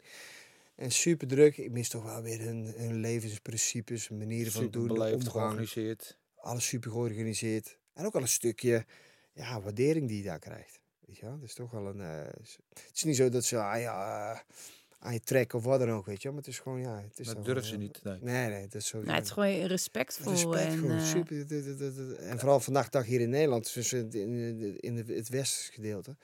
Ja, je, je krijgt veel te maken met, eh, met de dingen die vandaag de dag gebeuren in coronatijd. Ja. Ik van ja, er zijn de principes die daar totaal niet aan de orde zijn. voor mensen Dat die nog die ik nooit, niet heb ervaren. nog nooit in Japan zijn geweest, kun je daar een beetje over vertellen? Ja, daar kunnen we heel lang over praten Oh, volgens mij. Ja, gedragingen, be- be- behalve dat de levensmotto's. eh, eten. eh, ja. ik, vind wel, ik vind wel, uit, de uitstraling is een beetje grauwig. Hè. Vooral Tokio is dan eh, echt grauw. Buiten vind ik het een stuk minder. Ook andere steden vind ik een stuk. Ik vind Tokio heel grauw. Maar Wat, ik wat, viel je het meeste op geuren. toen je in, vanuit Nederland naar Japan ging? En je kwam daar voor het eerst aan. Wat viel je toen het meest op? Ja, ook echt wel de. de, de het, ja, geen hardheid, weet je. Hier is alles hard, weet je. En hier moet je heel hard doorwerken en leven. En daar was gewoon als, voor mijn gevoel dan, als jonge jongen, het was wel heel relaxed. Weet je wel, als je iets vroeg, werd er iets voor je gedaan. En het was wel, ja, ja, het respect eigenlijk, ja. Het is eigenlijk een, heel mooi woord, maar het is tegelijkertijd een heel breed, eh, breed begrip. Maar ja, dat was wel echt, eh dat ervaar ik wel. Het respect gewoon. Het respect. Het voor je doen, deurtje open houden. eh, je hoeft maar te bellen en ze deden wat voor je. Kom, we gaan even shoppen. We gaan even shoppen. Kreeg je, reed er een half uur later eh, was er een busje voor je hotel. Gingen we shoppen. Dus de makkelijkheid ook wel een beetje. Het, het, professionele. eh, Ja, Maar het feit ook dat je als, als sportheld daar wordt gewaardeerd. Dat ja, dat is wel ja, voornamelijk. Dus daar de respect, maar tegelijkertijd de waardering die je krijgt als, eh, als de vechter. Ja. Ja. En jij, je bent ook al eh, enkele keer in Japan geweest. Ik ben één keer in Japan Oh, één geweest. keer, ik ja. vaker. Ja, één keer. Nee, één keer wel meteen eh, bijna een maand. Eh, een beetje rondgetrokken daar. Ja, mijn eerste eh, ervaring was inderdaad in Tokio dat ik bij een eh, zebrapad aankwam. En er stonden 50 mensen aan deze kant en 50 mensen aan die kant te wachten. Shibuya. Gewoon rood licht. Ja, kruis. En ik kijk en is in de verse verte is er geen auto te bekennen. Dus nou ja, als, ik ben, blijf dan loop je gewoon. Ja. Dus ik loop en ik voelde echt 50 paar ogen in mijn rug branden zo. Wat doe je nou? Dus ik kijk en alle mensen staan ergens geschokt aan te Ja. kijken. Ja, voortaan stond ik ook. En het duurt lang, jongen, daar. Het duurt echt gewoon, blijft gewoon een kwartier op rood of zo. En je dat geluidje ook, hè? Raak in een soort van Ja, trance. Dus, maar de volgende keer dacht ik, nou, ik wacht gewoon, Tiri. gewoon een kwartier. Dus ik ga niet ik meer heb toch lopen. vakantie. Ja, een soort van groepsdruk voel ik hier. Nee, ik vind Japan ook fantastisch. Maar, eh, Ja, ja, Ja. ja. Ja, ja, ja, ik vind het geweldig. Ik vind het Ja. geweldig. Hoe was die niet- K1-tijd eh, tijd voor jou? Ja, voor mij, ik was daar heel jong. Hè, dus ik kom hier net uit de WPKL-tijd. hè. Hier was WPKL Europa of Nederland, Nederland vooral. Ja, was eh Mohamed Aitassou was hier wel Ja, eh, een beetje de baas. de maar. Champions League. eh, Ja, en daar keek ik heel tegenop. En ik mocht daar meteen in manoeuvreren al vanaf mijn 16e, 17e. Maar ik was ook al tegelijkertijd weer heel snel weg. Dus ik zat daar, eh, ja, daar in Japan. Ja, het ging wel eigenlijk wel heel hard, zeg maar. Als je even terugkomt op jouw vraag. Jouw vraag was? Hoe was die K1-tijd? Ja, dus ik had eigenlijk heel veel ervaring als, als vechtsporter, vanaf je jeugd. En eigenlijk kwam ik eigenlijk nog als een tiener kwam ik daar in Japan terecht. Hoeveel partijen had je toen? Toen je in Japan Ja, dat Om eens- 80? Mijn jeugdpartij erbij. Ik zou het niet eens zeggen. Nee, nee. Die kickboxers Ik- ik weten denk- nooit hoeveel ze nee, gevochten hebben, omdat ze zoveel vechten. Dat is, ja, dat is mooi eraan met mooi. boksen. En maar weten ze alles natuurlijk, omdat het heel belangrijk en bepalend is, zeg maar. Nee, nee, maar, maar Je vecht je gewoon minder dan met Ja, kickboksen. Dat ook, maar is het is bepalend. Je record is Ja, ja, ja, ja. bepalend voor, voor, voor Ja. je toekomst, voor je Ja, maar carrière. ook veel minder. De- hoeveel MMA-vechters heb je met 168 partijen? Die zijn er niet hoor. Bestaat niet. Nee. Ja, Rusland misschien ergens. Nee, deze man volgt elke week bijna op een gegeven moment. En dan is Ramon jeugd, erbij. Ja, ja, Ramon natuurlijk. Maar ja, ik, toen op een gegeven moment, ja, ik, ik kwam niet direct in K1 terecht. Ik kwam bij in dat zogenaamde shootboxing terecht. Omdat ik eigenlijk wel de K1 in wilde. Want ik was, eigenlijk was mijn plaatsje bezet, of eh, die was weggenomen door Albert. Albert Kraus. Albert ja. was een eh, teamgenoot van mij. En ik werd ziek. Lange vraag kort te maken. Hij kon zich kwalificeren dus daar daarmee om aan het eerste toernooi deel te nemen binnen de max-divisie, de 70, kilo- eh, 70 kilogram divi- divisie. En ik had er totaal nog geen idee van. Ik had wel de zwaargewicht had ik een beetje, ja, in het vizier zeg maar. Dus ik, had, ik kreeg wel wat van mee, maar het was niet echt bepalend. Gewoon midden in de WPKL natuurlijk. Dus ja, met hele grote namen. Waaronder andere nog Rammer zelfs nog acti- actief was. Ik van, jezus, wauw. Dus dat was eigenlijk mijn K1, ah, ah, wat achteraf K1 was. En ehm, Albert, Albert kaapte hem weg en die pakt daar het toernooi. En ik van, shit, daar gebeurt wel heel wat, eh, zeg maar. Een lang verhaal kort te maken. Uiteindelijk kreeg- kwam eh John eh, met een aanbieding om in Japan te vechten. John Ling, ja. John de Ling, mijn eh, eerste toenmalige trainer. Die zei van, Andy, wil je ook in Japan vechten? Ja, achter elkaar. Ja, direct, wanneer gaan we? En ehm, hij zei, ja, hou er rekening mee, het is shootboxing. Ik zei, ja, shootboxing? eh, hij zei, ja, je mag bij werpen, je mag staande verwurging maken, et Ja. cetera. Maakt me niet uit, ik moet naar Japan. Je- ja, man, ben je toen daar ook op gaan trainen? Mm, we probeerden wel wat. We probeerden wat. Maar het was echt... eh, De intentie was Ik er. ga het niet eens vertellen. Beetje, ja, de intentie was er, inderdaad. ja. Vervolgens eh, gaan we daar naartoe en ik word daar ook wel een paar keer op de grond gesmeten. zeg je u tegen, tegen een Chinese sandavechter. Dus die zijn er wel geweld mee. Het is een beetje het Russische Sambo-achtig eh, Mhm. vechten. Weet je. Maar nu hadden we van die sidekicks, jongen. Ongelooflijk irritant. Dus ik kwam de wil om te winnen kwam. Hè. Het ego werd aangesproken daardoor van godverdomme. Klootzak, weet je wel. Dus daardoor kon ik het ook eh, winnen. En ik won dat toernooi, zeg maar. En eh Wacht even, dus jij wint gewoon een shootbox toernooi terwijl je nog nooit een worp of een Nee. verwurging had Nee, getraind? Nee, nee. Ik had wel op, eh, op school, op, ik zat op SIOS, had ik wel een semester, of in ieder geval een gedeelte oh ja, judo een gehad. semester eh, Ja, toch ja, wel, ja, ja, ja, En daarmee win je gewoon Heb ik even een toernooi in volgens mij, wat Japan. heb je? Geel, oranje, groen, toch? Ja, ja. Ja, volgens mij heb ik ergens een oranje of groene bal gehaald. En een half besef je wel tijd. wat je hebt gedaan? Sorry dat ik er doorheen tetter. Ja.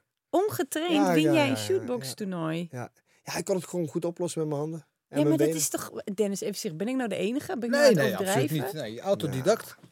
Nou ja, goed, weet je, laten we, absurd. laten we vooropstellen dat het echt de drijf heel erg hoog was. Dat ook wel de overwinning eh bracht. Ja, nou, je kan, ik kan ook heel graag 2 miljoen op mijn bank willen hebben, maar die staan er morgen niet op hoor. Nee, dat is ook waar. Dat is ook waar. Nee, dat is wel dat wel is gewoon echt eh, talent Dankjewel. en... eh, Maar als je ze gewoon neerslaat, dan kunnen ze je ook niet in de verwurging. Ja, maar ja, Ja, als ze ja, even in die clinch zitten, komen mij Ik heb zelfs een keer in doen. shootboxing tegen ehm, een oud UFC-kampioen, hoe heet hij ook weer? Carlos Condit, Carlos Condit heb ik gevochten. En was, wist ik Natural een- Born Killer. Een kop, ja, een kop groter dan mij. En die gozer fiet mij in een ehm rear naked choke staan. Dus ik dacht bij mezelf, ik gooi mijn knie op de grond. Want dan stoppen ze normaal gesproken, want dat zie ik wel eens. Ja. Dus die referee, die Japanse referee, stopte hem ook. Daar had ik geluk bij, want het was ook in de laatste ronde. In de vijfde ronde. En ik had wel... Ik had wel... Ik was al aan het werken naar de overwinning. Ik had wel die overwinning verdiend ook wel, weet je wel. Maar het was wel hard werken. Wat een ploet was dat, zeg maar. Totaal gekickbox, maar wel lange gozer, Ja. lange armen, lange beten. Slungeren ook een beetje ogend, eh, hij oogt ook constant vermoeid, maar toch was je steeds gevaarlijk. En opeens lag ik daar. Ik gooi mijn knie op de grond. Sindsdien hebben ze ook die regel toen ook aangepast. dat je niet meer je knie op de grond mocht zetten. en, Down eh, opponent. Ja, ja. Anders was ik gewoon weg geweest. Dan had ik verloren. Maar ja, ik kan wel zeggen dat ik van hem heb gewonnen. Wat cool. Ja. Nee, dus eh, K- K1 heb ik toen destijds eh, eh, gepredikt van uh, luister in interviews. En ik ben geen schreeuw natuurlijk, maar er werd er wel in mijn oren gefluisterd van hey Sauer, zeg dat je de K1 in wilt, weet je wel. Want dan, eh, daar is te doen. En daar wilde ik zelf ook naartoe natuurlijk. Dus ik, ik deed wel op mijn manier mijn best om de K1 in te komen. Ja, en toen kwam ik daar. En toen K1, ja, het was gewoon... Ik had het ook niet in de gaten. Ik dacht, ja, het was fantastisch nu terugkijken, want het was gewoon groots. Het was, Ja. het was professioneel. Het was... Het was alles zeggend ook. Het was ook bepalend voor de rest van de, van de, van de jaren daarna, weet je. Het was, gewoon, standaard. Het was gewoon zo groot. Iedereen die ik spreek, en waarschijnlijk jullie ook, hebben het nog allemaal over de K1. Ja, Ja, nou ja, en helemaal de, de, het level van competitie was ook gewoon geweldig. Weet je, Ja, jij gruwelijk. net terug de jongens als Boerkou, Ja, eh Masato, die het ook allebei Ja. heeft verslagen in die finale. Albert Kraus, die je al noemde. Eh, nou ja, wat hadden we nog meer? Nou, Petrosian uiteindelijk, waar je dan eh, ja. volgens mij 2009 de finale Ja. tegen vocht. Ja. Eh, ja, maar je zegt alles al, hè. Je, je gooit die Muay Thai vechters op, die Ja. zich moesten aanpassen op de duur. Boxers had je, je had de, de Nederlandse kickboxer en de Masato. Nou, die eh, gooi ik ook wel in die rangen dat hij echt wel een beetje een Nederlandse stijl had. ja, En niet Japans was voor de Japanners, vond ik. De hardheid en de... ook een jongen met... Eh, waarom met, was hij niet Japans? Kun je dat uitleggen? Ja, die Japanners zijn altijd heel niche en correct. Ja. Hebben niet echt de jongen met power flair echt- ook, hè? Sorry? Een jongen met flair. Ja. En flair, en het was eigenlijk niet Japans, een beetje buiten de, buiten de regels om. Was gewoon Nou, je over dat harde. Ja, dat harde. Ik vind de Japanners hebben een bepaalde vorm tot ha- van hardheid. Weet je, maar die liggen wel ergens eh, in de onderste klasse, zeg maar. Weet je wel, als je ze een keer een tikje geeft, dan eh, liggen ze heel snel op de grond, zeg maar. Weet je wel, maar een heel mooi, eh, ja, bijna iets te mooi eh in scène gezette knockdown of zo, weet je wel. Het is voor mijn gevoel, weet je. Ja? Dus, En, heb je nog meer van dat soort inzichten? Dat je tussen verschillende landen verschillende vechters hebt? Ja, maar bij Thai zie je dat toch, bij Thai zie je dat op, op den duur toch ook altijd. Bij Thai zie je op een gegeven moment, ze kunnen heel veel stoten nemen. En Mhm. dan zit- liggen ze in één keer op de grond met een tikkie. Maar dan liggen ze heel zwaar knock-out. Ja. Het nou gespeeld is of niet, of dat het ligt aan, een, eh, eh, Ja. aan, aan de bouw of aan het lichaam, weet ik niet. En Chinezen? Chinezen zijn gewoon eigenlijk heel hard, zijn gewoon werk, werkpaarden. Echt, echt werkpaarden. Die durven diep te gaan, maar die hebben toch niet, ja, toch niet het gochme, eh, het vechtgochme, om echt eh groot te zijn in de wereld. Terwijl het eigenlijk een vechtsportland is. Ja? En. Nederlanders dan? Hoe, zie, hoe zou je die omschrijven? Ja, wij zijn wel, eh, we hebben wel een, een eer. Wij zijn wel een, een, een eh, eerrijk volk. Dus een volk die zegt van... eh, ja, we moeten echt wel winnen, weet je wel. We, zijn Ja. echt, we doen er alles om om te winnen, zeg maar. Ja. Ik nou vind het ja, heel Nederlands, interessant. Het Nederlands kickboksen, ik kom en dan dat juist het Japanners, eh, het Nederlands kickboksen, de Majiro-stijl, komt natuurlijk eigenlijk rechtstreeks uit Japan. Dat is natuurlijk een mix van, van een beetje Japan en een beetje Thailand met de Nederlandse mentaliteit erbij. Dat is natuurlijk waar wij, zeg ik, waar Nederland natuurlijk groot in is geworden, het kickboksen. Maar je hebt toch ook vaak van... Stel ik was met mijn broer over te filosoferen van... eh, de Russen die eh, nou, hebben het slecht. eh, de Brazilianen komen uit de favelas. Ja. Dit, Nederland is een rijk land. Er zijn ook heel veel mensen arm in Nederland. Maar in principe is het een rijk land. Hoe komt het dat wij zo goed zijn? Hebben jullie daar een visie op? Nee, ik heb het de afgelopen week ook in, in, in, in een, niet in een podcast, maar in een live sessie heb ik die vraag ook gesteld. Kijk, scheren zeggen we altijd, het ligt aan de aardappels. Maar daar is het eigenlijk niet. Ik denk wij gewoon... Het, ja, we zijn wel strevers. Volgens mij doen we het gewoon goed als klein land. En ook in andere facetten, in andere Ja, maar waarom? beroepen. Waar komt dat vandaan? Waarom zijn wij Ja, we ooit... zijn ook niet als, als volk vroeger in de middeleeuwen of de, de jaren daarvoor. Ja, Zijn we ook niet echt een, een krijgers geweest. Of een specifieke Nee, maar we hebben, wel, we hebben even lang de hele wereld leeggeroofd. Ja, Ja, precies. weet je, Nederlanders hebben wel tegelijkertijd hebben we het poldermodel. We moeten allemaal met elkaar Ja, klitsen maar we en hebben, het ja, goed Nederland hebben heeft met wel van oudsher die ondernemingsgeest om, om de visie eh, te verbreden, om weet je wel, de wereld te ontdekken en te veroveren. En, en, en, en, Misschien ook wel noodgedwongen, omdat Ja. die er zijn natuurlijk geen goudmijnen en Nee, eh, geen grondstoffen waar we zeggen Ja. van nou, daar kennen. Maar daar, daar, ik denk dat het ook wel een beetje aan ten gronde ligt eh, dat we nu een beetje achterlopen in het kickboksen. Je zegt Ja. nu heel mooi van. Vertel, ja, waarom lopen wij dus, achter? eh, ja, ik vind gewoon dat we eigenlijk. eh, natuurlijk hebben we nog een paar jongens zeg maar, die het leuk en aardig doen. Maar langzaamaan zie je gewoon eh, mondiaal gewoon zoveel vechters opstaan. Eh, eh, dat wij eigenlijk gewoon niet meer in het rijtje top, eh, top 3 horen. Maar komt mij. dat omdat wij slechter zijn geworden? Of komt het omdat andere we landen beter zijn geworden? Ik denk dat we achterover zijn geleunen. Ik Ja. denk dat de arrogantie ons nou een beetje part. Niet per definitie arrogantie, maar laten we het even in dat, eh, ja, onder dat kopje noemen. We zijn de voorsprong kwijt. Ik denk het wel. Ja, ik denk dat we achterover zijn geleund. Kijk eens, we zijn eh, Nederland, Nederlands kickboksen, we zijn de beste. Ja. Een stukje wildgroei erbij natuurlijk aan trainers. eh, Wat moet er veranderen? Omdat, eh, ja, ik denk een, een stukje structuur, trainingsmethodes, methodiek. De trainers, coaches moeten veranderen. en wat, wa- Vooruitstrevend willen zijn. waarin is er al- algemeen gesproken? Wat bedoel, wa- wa- wat moet er, waarin moeten zij veranderen? Ik denk dat we gestopt zijn met leren. Hè, Het, het, het mooie, het, zoals het eigenlijk het verhaaltje wordt verteld, ergens in de jaren 70, 80, zijn onze karata, boksen-achtige eh, trainers, die zijn toen eh, overgestapt of die zijn naar Japan gevlogen om daar het een en ander te leren. Nou, dat is een mooie evolutie, eh, kunnen we daarin terugvinden. Hè. Er is ook allemaal, er zijn ook nog beelden van, hè, van de oude, oude kickboxpartijen, weet je wel. En ja, de Robbie Kamers onder ons, zeg maar, die al eigenlijk een beetje vooruitstrevend waren, zeg maar. Waar we op, op hetzelfde niveau, niveau zijn gekomen op den duur. Ja, nu volgens mij stagneren we gewoon een beetje, omdat we het allemaal wel weten, volgens Mm. mij. En ik Ja. zeg niet dat er voor de 100% daar, het daaraan ligt. Maar ik denk dat er wel een groot, een groot, eh, ja, een groot struikenblok ligt. Ik denk dat we gestopt zijn met leren. Of leren van anderen. Hè? Durven te pakken of durven te kijken hoe anderen het doen. Beetje eigenwijs denken van weet het zelf wel. wel. Ja, ik Ja, denk dat het wel... Dat is kickboxing nog steeds wereldwijd, is het begrip. Ja, pre- precies dat, dat ook. En het zal ook, niet, het zal ook niet gaan veranderen. Nederlands kickboksen is gewoon een hele mooie stempel. Ja. Waar we goed gebruik van kunnen maken. Maar Ja, ik maar denk dat we wel een met de evolutie mee moeten gaan. Ik denk dat we wel Ja, we zeg maar het verschil moeten. tussen imago en ide- identiteit. Je identiteit is dat het niveau naar beneden gaat. En het Ja. imago is dat de rest van de wereld Blijft. denkt... hé, hey, Nederlands vechten. En, en die moeten eigenlijk zo dicht mogelijk bij elkaar liggen. En die liggen nu eigenlijk een heel gro- groot stuk uit elkaar. Eens, ja, precies dat. Zie, met voetballen zie je natuurlijk ook altijd. Ik ben een voetbalfanaat, jongens. Hè, dus ik, eh, ik refereer heel vaak terug naar het voetballen. Dan zie je ook, je hebt ook een beetje te maken en te kampen ook al met, met generatiekloven soms, snap je? Weet je? En dat is misschien ook aan de orde. Daarom zeg ik al, het is niet voor 100% te wijden aan de, onze arrogantie of het achteroverleunen van. Of de eigen wijsheid die we hebben. Ja. Maar ik denk dat daar ook een stukje, een stukje bij komt kijken, weet je wel. En de generatie die willen heel snel, hè. Vooral eh, de westerse generatie. Ja. Willen heel snel leren. Trainers willen heel snel leren. Ja, ze doen maar wat ze geleerd worden.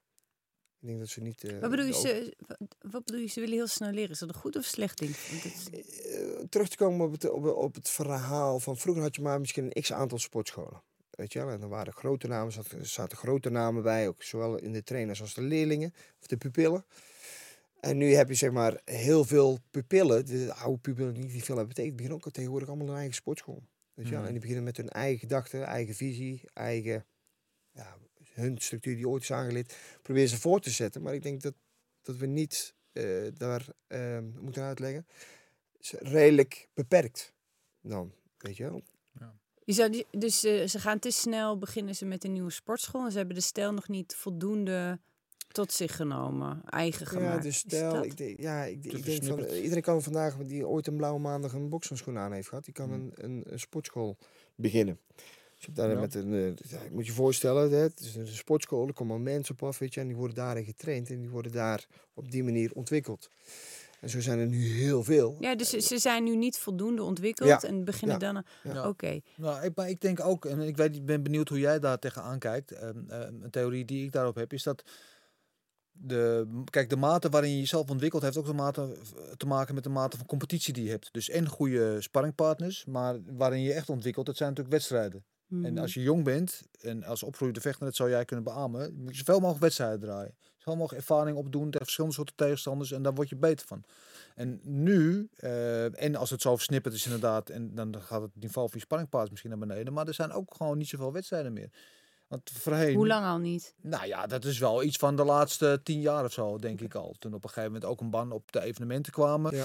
Eh, is dat wel een beetje achteruit gekelderd. Want toen, mocht je, dus nu is het nu veel moeilijker om een kickboxgala te organiseren dan voorheen. Dus vroeger was er altijd, elk weekend waren er tig galas door het hele land. Dan kon je drie keer in een weekend knokken als je wilde. En volgend weekend weer. En weet je wel, dus dan kon je door blijven draaien. En Ja, dat dat inderdaad wel een mooie selectie onder het zuiden, boven het zuiden, de Randstad. Heel af en toe weten we het oosten en noorden wordt georganiseerd. Maar op zich valt ja, is het echt heel extreem veel. Natuurlijk door de corona, laten we dat... Tuurlijk, even dat is een andere tijd sowieso. dus, weet je, maar ik vond het eigenlijk wel meevallen. Ik zie bij ons in het zuiden toch een regelmatig een jeugdhalen voorbij komen. Ja? Ja, wel, zeker wel. Ieder, weekend. Voor de corona natuurlijk. Nu Ja. momenteel niet. Nee. Ja. ja Maar goed, ik weet nog vroeger dat ik, ik, ik, dan, dan gaan we nog iets, iets verder terug natuurlijk. Maar ehm, ik vocht soms gewoon drie of vier keer tegen dezelfde tegenstander in de jeugd. Hoor. Ja. Ik kan jou zo vier, vijf na- namen opnoemen die ik vier of vijf keer bevochten heb. Ja. ja. Weet je, dus was, daar kun je ook wel iets over zeggen. Ja, het was ook altijd maar hetzelfde. Ik denk dat we met sparren wel heel veel verder komen. Vroeger had je een paar sportscholen, of wat is een paar. Maar had je, had je scholen, weet je, maar dan had je gewoon gelijk gewoon 10, 15 jongens die elkaar eh, sterker en beter maken. Ja. Natuurlijk gaat dat natuurlijk naar vanant de trainer, coach die daar goed in eh, de juiste banen leidt. En daarom zeg ik al, weet je, het is allemaal wel redelijk beperkt geworden. Het is, het is even verzaaid. Het is, eh, Over sparren gesproken, hoe kijk jij tegen, tegen sparren aan in de voorbereiding? Want wij hebben als Nederlands de naam dat we echt kei- keihard altijd gaan. Dat het echt de wedstrijden zijn. Dat ze in het buitenland hier komen en denken, wat zijn het voor idioten? Mm. Hoe is het een keer gaan? Maar dat is onze manier. Die, de, toch de theorie van eh, alles wat je in de ringzak tegenkomt kan nooit zo erg zijn als wat je in de sportschool al Ja. hebt gehad. Hoe zie, kijk jij daar tegenaan? Ja, zo ben ik eigenlijk ook opgegroeid. Maar Ja. ik denk nu wel met de wetenschap die ik nu heb, maar ook tegelijkertijd wat ook allemaal bekend wordt, zeg maar, wat dat niet allemaal even goed is. Ik denk dat we wel gewoon, eh, ik hou gewoon vast aan twee sparringsmomenten eh, in de week. Wedstrijdsparring. En flow sparren, om het zo maar even te noemen. Het, leggen, het tikken, het reageren op, op. Ja. op bepaalde handelingen. Zonder daar hard bij geraakt te worden. Zodat Ja. je ook een stootje kan of durft te Technisch nemen. sparren eigenlijk, ja. Technisch sparren, ja, weet je wel. En eh, dat houden we er altijd in. Maar het echte wedstrijdsparren, gewoon twee keer pieken in, in de week. Ja, that's it. En dan nog, ook daar heb ik een, een, een, een, een mening over. Ja, ik zie sportscholen voorbij komen. ah, 10, 15 rondes eh, dan Ja, eh, sparren. ja. In godsnaam. Wat doe jij? Nou, ik vind het heel onnodig. Ik vind het ook niet, niet realistisch. Ik vind het ook niet functioneel. Wat doe jij ik doe gewoon weer? drie rondjes sparren. En dan af en toe eh, doe ik er een extra ronde bij. Maar dan laat ik mezelf een beetje triggeren door de trainer. Die dan zegt van, nou, doe er een extra rondje bij. Dus je even getriggerd wordt om Ja. toch even die extra eruit te gooien. Want je denkt dan in die laatste derde ronde van, hey, ben hierna ben ik klaar. Dan word je toch nog even getriggerd. Dan even een stukje diepgang erin. ja. En ik denk dat het gewoon realistisch is. Drie rondjes sparren gewoon, zoals het eigenlijk ook gebruikelijk is. Eh, extra ronde eventueel erbij. Even wat lange rust, net wat nodig is. 10, 12 rondes en je pakt weer een tegenstander. Moet ik even een kanttekening bij zeggen. Het is wel een beetje op een redelijk hoog niveau. Hè? Als je jong bent, gewoon lekker uurtjes maken, Tuurlijk. vlieguurtjes maken. Maar als ik op niveau eh, ja, A-klasse zit, weet je wel, en daarin zit ook natuurlijk verschil, maar dan zit je wel in een professionele vorm. Doe het op deze manier, weet je wel. Pak 10 minuutjes rust, hou het een beetje bezig, communiceer wat. Hè, wat moet de, de volgende rondes, wat moet daar voor gebeuren? En pak een tweede ronde weer. Of in ieder geval een tweede, se- eh, tweede, tweede set weer, weet je wel. Van drie rondes of vier rondes. Ja. En dan weer. Dan heb je uiteindelijk toch nog zes tot acht rondes gedraaid. Maar wel een stuk functioneler. En Ja. wil je die functionele, eh, functionaliteit nog dieper in, eh, die- dieper in gaan, pak één tegenstander. ja. En, maar dat is wedstrijdsparren, dat is gewoon hard sparren dan. Ja, ja. Dus ja, wel gewoon, ja, oké, je gaat ja. Maar je gaat dus voor kwaliteit over kwantiteit. Ja, ja, ja. Natuurlijk wel als je een stootje maakt je ziet dat je er last van hebt en niet eroverheen Nee, gaat precies. Niet op de KO. eh, nee. Nee. En dat flow sparren. Lekker, eh, volgens mij het val- valt die laatste eh, ook aangeven. lekker doorwisselen met elkaar, lekker een beetje spelen, vervelen. Maar nou, ook daarin zou ik een beetje uitkijken. Van, ja, als je daarvoor kiest, eh, als daar de afspraak is van eh stop daar maar m- elkaar eens kop achter te worden.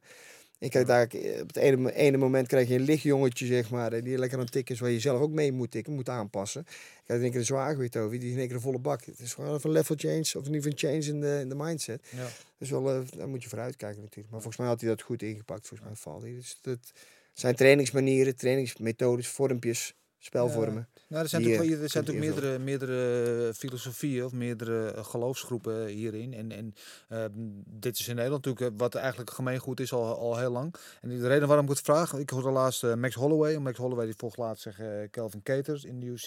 Zette waarschijnlijk de beste wedstrijd uit zijn leven neer. Fantastisch, eh, me- most significant strikes in UFC history. Echt gewoon echt een wedstrijd, niet normaal. Vijf rondes lang, zo'n hoog tempo. En die zei dus na de wedstrijd, ik heb dit kamp niet gespart. Ik Ja. haal, en eh, dat, dat was al volgens mij de tweede of de derde wedstrijd dat hij dat zo deed. Die heeft gewoon als sparren uit zijn voorbereiding gehaald. Oké. Heeft hij ook met, met als resultaat? Heeft, heeft hij hem gewonnen? Wat zei je? Had hij hem gewonnen? Gewoon, Ja, gewoon, ja, niet normaal. maar niet had hij normaal. ook de motivatie gegeven? Want dat heb ik niet gehoord. Waarom Ja, niet want hij eh, zegt, ik weet al hoe ik moet vechten. Dus ik, en, en tijdens sparren, en dat is ook ook, want dat is in onderzoek gebleken eh, onder vechtsporters, dat de meeste schade loop je op tijdens sparren en niet ja. in wedstrijden, omdat je daar veel meer uren in draait. Ehm, dus hij heeft als filosofie, ik ben tijdens mijn voorbereiding, raak ik niet beschadigd. Ik loop geen blessures op door sparren. Of weet je wel, ik, op het moment dat ik in die kooi sta, dat ik in die wedstrijd sta, dan ben ik gewoon helemaal kraakhelder. Ik heb, lichamelijk ben ik Mm. helemaal in topconditie. Wat vind jij Ik, ervan? ik denk weer, dat, eh, misschien is hij één op de honderdduizend Ja. die dit kan. Ja. Want ik, ik, je, moet, ja, je weet zelf wel, Marlucie, volgens mij ga je het ook beamen. Je hebt die stress, stress nodig. Mhm. Je hebt ook die reactie heb je nodig. Ja. Je hebt ook die dat stomp nodig. training. Ja, je hebt ook even die stom nodig om Ja. te verwerken. Als je dat gewoon maandenlang niet doet, ik ga mezelf maar na, doe ik het ma maandag in sparren en ik begin weer met een eerste sparsessie.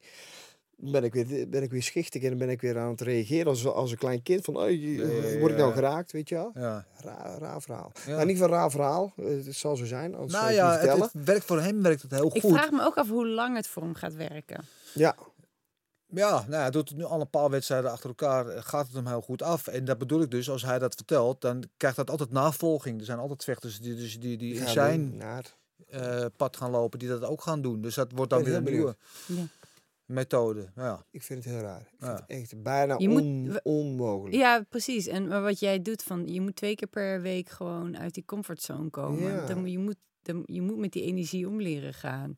Hetzelfde als je voetballen gaat, je gaat voetballen zonder bal. Is in mijn geval wel beter hoor. Sorry? Is in mijn geval wel beter. Ja? Die- ja, Ja, bal strijk je anders over je voeten. bal- Nee, ja, maar, er terugkomen niet ook op, het hele, hele, hele gevalletje sparren, weet je. Waarom, die- even terugkomen op de 10 rondes, 15 rondes sparren. Wat ga je doen? Eerste 6, 7 rondes ben je een beetje Ja, aan het tikken, want je weet dat je daarna nog 6 of 7 moet doen. je komt niet bij het echte werk Kom je in aan. het echte werk aan. Nee. Dan kun je beter voor kiezen drie rondes volledig sparren. Terugkomen op het verhaal schade. Dan kan er een keer een stoot. Misschien wel een paar stoten doorkomen of trappen. Weet je wel? Maar dan ben je ook in een kort tijdsbestek ben je aan het incasseren. En daar ben je gewoon eh, 15 rondes. eh, ja, ik zeg 15 rondes, soms zie ik ook 10 hoor.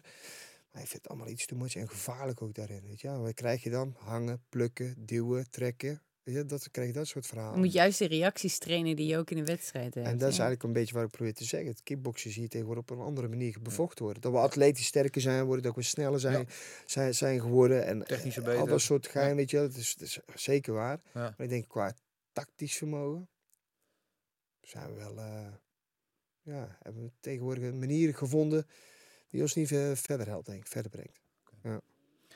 We gaan het zo met jou nog even hebben over eh, wat je nog wil. Want je hebt al wat namen laten vallen tegen mij. Daar gaan we het straks even over hebben. Maar we gaan eerst naar de tijdmachine. Ja, de tijdmachine, onze wekelijkse rubriek waarin we onze gast de kans geven om in de tijdmachine te stappen. Terug te gaan in de tijd naar een moment wat je graag opnieuw zou willen doen. Het kan een moment zijn wat je echt totaal hebt verkloot. Dat je denkt, dat moet ik gewoon beter kunnen doen. Of het kan ook een moment zijn die je heel tof vindt. Die wil ik gewoon nog een keer meemaken. Dus ik zou zeggen, stap in de tijdmachine en neem ons mee naar het moment. Dan doen we niet dat ene verhaaltje. nee, die bewaren we op Maar die wil ik ook niet, die wil ik ook niet meer, want toen voelde ik me niet zo lekker. Ehm, ja, goed, weet je, de, wat me nog het meest heftig bijstaat, is de partij tegen Massato. Ik was hem al jaren op mijn manier gewoon een beetje aan het prikkelen om Ja. tegen mij te vechten. En hij vertelde mij van, nou luister eens, ja, niet letterlijk in de face. Maar eh, via de magazines in Japan. Van hey Sauer, je kunt het tegen mij willen, maar je bent nog een belangen na niet goed genoeg. En tegelijkertijd ga maar, ach, eh, sluit maar achteraan in de rij. En uiteindelijk was hij daar in een toernooivorm, weliswaar in ons tweede potje, in de halve finale. In de halve finale kon ik hem tegen en ik, en ik, eh, ik won hem. Ik won hem. Gaf hem een acht tellen. Hè. Ze konden hem ook niet geven, maar ze gaven hem. En dan voor de, voor de Japanners, Mhm. in de staat van de Japanners die eigenlijk pro Masato natuurlijk Ja, waren. En eigenlijk ook Masato eh, naar voren wilden schuiven. Of altijd naar voren schoven. Dat was ook een soort halfgod. eh Ja, gaven ze hem acht tellen. En ook nog eens in de laatste fase van de derde ronde. Ik, wauw, dit was wel heel geweldig. En daarna sta je na, twee minuten later sta je met je handen in de lucht. En die euforie die ik toen destijds ervaren, ja, die was bijzonder. En ik wist ook nog van hierna moet ik verder. Moet ik nog, nog een, tegen een ploet vechten. Weet Ja. je? Maar, maar goed, dat was niet eens zo belangrijk. Ik, was, ik had ook iets te veel gegeven. Dus ik, had het hem, eh, ik liet hem iets te veel binnen, die euforie. De winst was gewoon te sterk. Zeg maar, dat ik hem niet kon wegstoten. Dus ik moest hem pakken, maar het was zo heftig. Dat ik eh, even wakker werd in de kleedkamer. Shit man, we moeten daar nog een pot vechten. En, Dan moet je weer oh, pieken. alles lag in elkaar. Alles lag in elkaar. Ik heb weer zoveel lokies gegeven dat eh, mijn enkelbanden zo opgerecht waren. Kneuzekjes op mijn scheenbenen waren. Bultjes. Maar goed, dat maakt niet uit. Want ik had gewonnen je van de grote. Masato. Was die euforie groter dan dat, die, dat je het toernooi uiteindelijk won? Uh, denk ik, dat toernooi won ik uiteindelijk niet. Nee, maar, je, goed, de, ooit, ja, ja, ik denk het wel. Want dat, dat staat me nog bij. Want je vraagt aan mij, wil je de tijdmachine instappen? En dan denk ik aan euforie, aan blijdschap en eh, wat ik als eh sterkste en eh, lekkerst heb ervaren. Ja, dat was gewoon lekker. Dat was gewoon lekker. Weet je, dat was voor mij op dat moment al een finale. Mooi. Kijktip voor de mensen thuis. Zoek deze partij even op op YouTube en beleef dan zijn meest favoriete moment nog een keertje terug. Ja, eh, Eh, ja, even blijven bij eh, eh, wat je zei. We hadden een tijdje geleden even contact over, over dat je hier naartoe zou komen. Zei ja, er zijn twee namen die staan nog op mijn hitlist. ja, En dan noemde je Typhon Oskan. Dat Ja. inderdaad die partij die je net al memoreerde, waar je toen verloor. En Petrosian. Ja. Waar je toen volgens mij twee keer vrij kort achter elkaar tegen hebt gevochten. Ja. Ja, ja, allebei 2007, 2009 of 2008. Ja, ja 2009. zoiets, ja. ja. waaronder de laatste keer was dan in de finale van, van de K1 Max. Ja, Verloren. vertellen. ja. Ehm, waarom wil je die partij eh, eh, rechtzetten? Ja, omdat je verloren hebt, maar... Nou, zijn, er zijn genoeg redenen om tegen Petrosian te vechten. Iedereen wil tegen Petrosian te eh, vechten natuurlijk, omwille van dat ze denk ik ook waarschijnlijk wel aan kunnen. Maar dat gaat, gaat iedereen vies tegenvallen, want hij is gewoon bijzonder goed. En Mhm. eh, dan kun je onderbouwen door verschillende dingen. Maar ja, ik vond gewoon dat ik de eerste keer dat ik tegen hem vocht in Milaan, dat ik iets meer verdiend had. Weet je, het was niet zozeer zo'n goede pot van, vanuit mijzelf, maar ik vond, dat ik, ik vond dat hij te weinig had gedaan. En misschien ik wat iets te veel had gedaan, zeg maar. Maar tegelijkertijd had ik gewoon iets meer verdiend voor mijn gevoel. Tweede keer tegen hem had ik gewoon een geweldig pak slaag gekregen, dus daar praat ik niet over. En natuurlijk, hij is wel, eh, hij staat aan top of the food chain. Ja.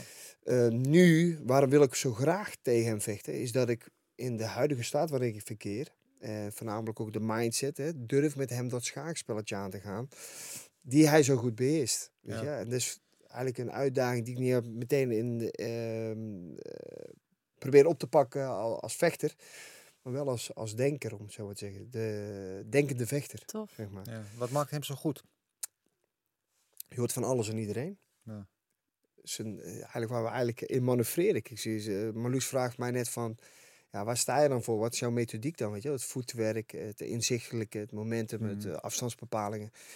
Weet je, dat is, doet hij gewoon bijzonder goed. Want hij doet op zich niet zoveel spannends. Het is zijn linker trapje zo nu en dan. Een knietje hier en daar. Maar dat voorhandje die hij mooi gebruikt als dirigerend handje van... hey, stuur jou voelen. Dat is eigenlijk waar ik wel met hem naartoe wil. Weet je wel? En Kijkt iedereen- hij beter dan wie dan ook? Kijk, het instinct. Is zijn instinct beter. En daardoor is zijn kijk, kijk eh, natuurlijk een stuk beter. Ja, je kunt het eh, door met verschillende manieren omvatten of woorden omvatten. Het Zijn oog. Zijn oog, ja, Ja. is, ja, het is allemaal gewoon, hij meet het gewoon zo goed af. En je ziet zijn voetenwerk.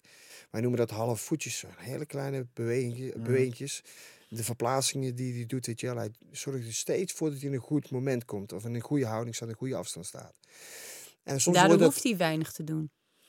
Ja, ja, en laat je de anderen nou doen die Ja. er niet gewend zijn, dan kost dat heel veel moeite, want die benen zijn er niet gewend. En ja, Ja. wat nou net zijn de fundamenten van het menselijk lichaam. Ja. En dan kunnen ze dat niet, weet je wel. Dan moeten ze mee naar links, moeten ze mee naar rechts. En dan worden ze op het juiste moment worden ze gestopt, worden ze onderbroken. Hè, Het verhaal waar we het net over hebben gehad. Schrikreactie. Ja, daarmee zet je ze op zijn rem en dan kan hij zijn ding doen. En dan is het ook niet heel bijzonder wat hij doet. Maar hij doet gewoon allemaal net genoeg, Ja. de, de juiste dingen. En ook al heel lang op een heel hoog niveau, net als jij, nog steeds Ook eigenlijk dat. eh, aan moet ik wel zeggen, hij is, hij, is niet echt opgemaakt, laat ik het zo zeggen. Nee. Eh, dus hij heeft niet heel veel partijen gedraaid. Zeker wel veel. Maar ik bedoel, niet in vergelijking tot eh, heel veel anderen. Ja. inclusief mezelf. Dus ja, Petrosian is wel een jongen die, ik- die ik nou durf uit te dagen op een, op een, op een ander niveau. Zeg maar, Waarom op een ga ander je vlak. winnen? Hoe, dat ik dat ga doen. Dat ik hem ga ont, Met jouw- ontregelen. Tof. Met mijn manier van vechten nu. Mooi. Zo wat je ook heel vaak, heel vaak ziet, is dat we vanuit, ja, jij weet als geen ander en heel veel andere mensen, vanaf het begin sta je tegenover een southpaw, moet jij linksom gaan als eh, orthodoxe vechter. Want je moet uit zijn stootrange komen, zijn ja. sterke positie uit, eh, uit, uit die kant gaan. Je kunt een keer zeggen, we gaan hem een keer ontregelen, we gaan wel die kant op. En daar iets op proberen te vinden. Moet ik uitkijken wat ik nou ga zeggen natuurlijk. Hè? Want- Hij spreekt toch in Nederlands. Nee, nee, oké, maar laten we die eh, mooi als verrassing. Ja. Ja, en Typhoon is gewoon niet zozeer voor Typhoon. Volgens mij is hij een hele lieve, geweldige, aardige, goede vechter. Ja. En eh, gaat hij nog wel het een en het ander presteren. Maar voor mijn gevoel moet ik nog iets rechtzetten. En dat heb ik, kan ik ook met andere vechters hebben. Maar voor, voor mijn gevoel was toen die koek zo op, zeg maar. Was ik zo leeg van binnen. Ja, dat ik die opnieuw wil doen. Ja, precies. Want jij zei toen vooraf tegen die wedstrijd, hij wil over mij naam maken. Hij wil eigenlijk eh, via mij eh, zijn naam. En dat is natuurlijk hem ook wel gelukt. Ja. Eh, hij maakt een, boekt een goede overwinning. Ja, maar jij zegt eigenlijk, ja, de, de, staat, zowel geestelijk en fysiek wat ik nu ben, zou die niet op die manier van mij, van mij winnen. Nee, het is natuurlijk relatief. Wat zegt de vechter vaak? Van ja, weet je, hij wil een naam die al gevestigd is. Ze wil een naam overmaken, weet je. Want je zegt soms ook maar dingen die, ja, die gezegd moeten worden of eh, die gehoord willen worden. Maar eigenlijk had ik het gevoelsmatig helemaal niet zo. Ja, als je een badder nu tegenwoordig hoort, ja, nu, nu heb ik het. Nu heb ik het gevoel wat ik eh, nodig heb om toch Rico te verslaan. En die kans heb je al twee keer eerder gehad, zeg maar. Dus je zegt soms dingen die gezegd moeten worden of Ja. ja, die Ja. verwacht worden van je. Ja. Of op die Maar misschien op dat moment wel echt zal voelen, denk je. Maar misschien... Dat denk je. Maar Die zijn- die je wil denken. Ja, die je wil denken. Ja. Ja. Dan ga je weer naar het, kom je weer terug op het mentale vlak. Ja. Ja, ik denk dat ik er nou echt helemaal klaar voor ben. Dus en in de divisie waar ik in eh, nu zit, ja, en Typhoon en Jojo, weet je, ja, dat is eigenlijk eh, killing. Dat is gewoon eh, moordend. Ja. En een eh, K1 Max waardig. Ja. Maar eh, laat, laat dat mijn doel zijn. Laten we afstappen van die title shot. Laten we gewoon die twee jongens eh proberen. En nogmaals, plezier, hè? De druk helemaal weg. ja, Gewoon plezier en voor de fun en de eer. Ik heb zelfs de aanname gemaakt om te zeggen van stel dat ik niet eens zou winnen. Weet je wel, als ik mijn ding maar kan doen. Snap je? Dan, volgens mij komen we daar ook een stuk verder mee. Ja, Ja. maar ook eigenlijk een beetje gewoon jezelf testen om te voelen hoe het nou is om tegen de jongens te staan als je wel goed in je vel zit.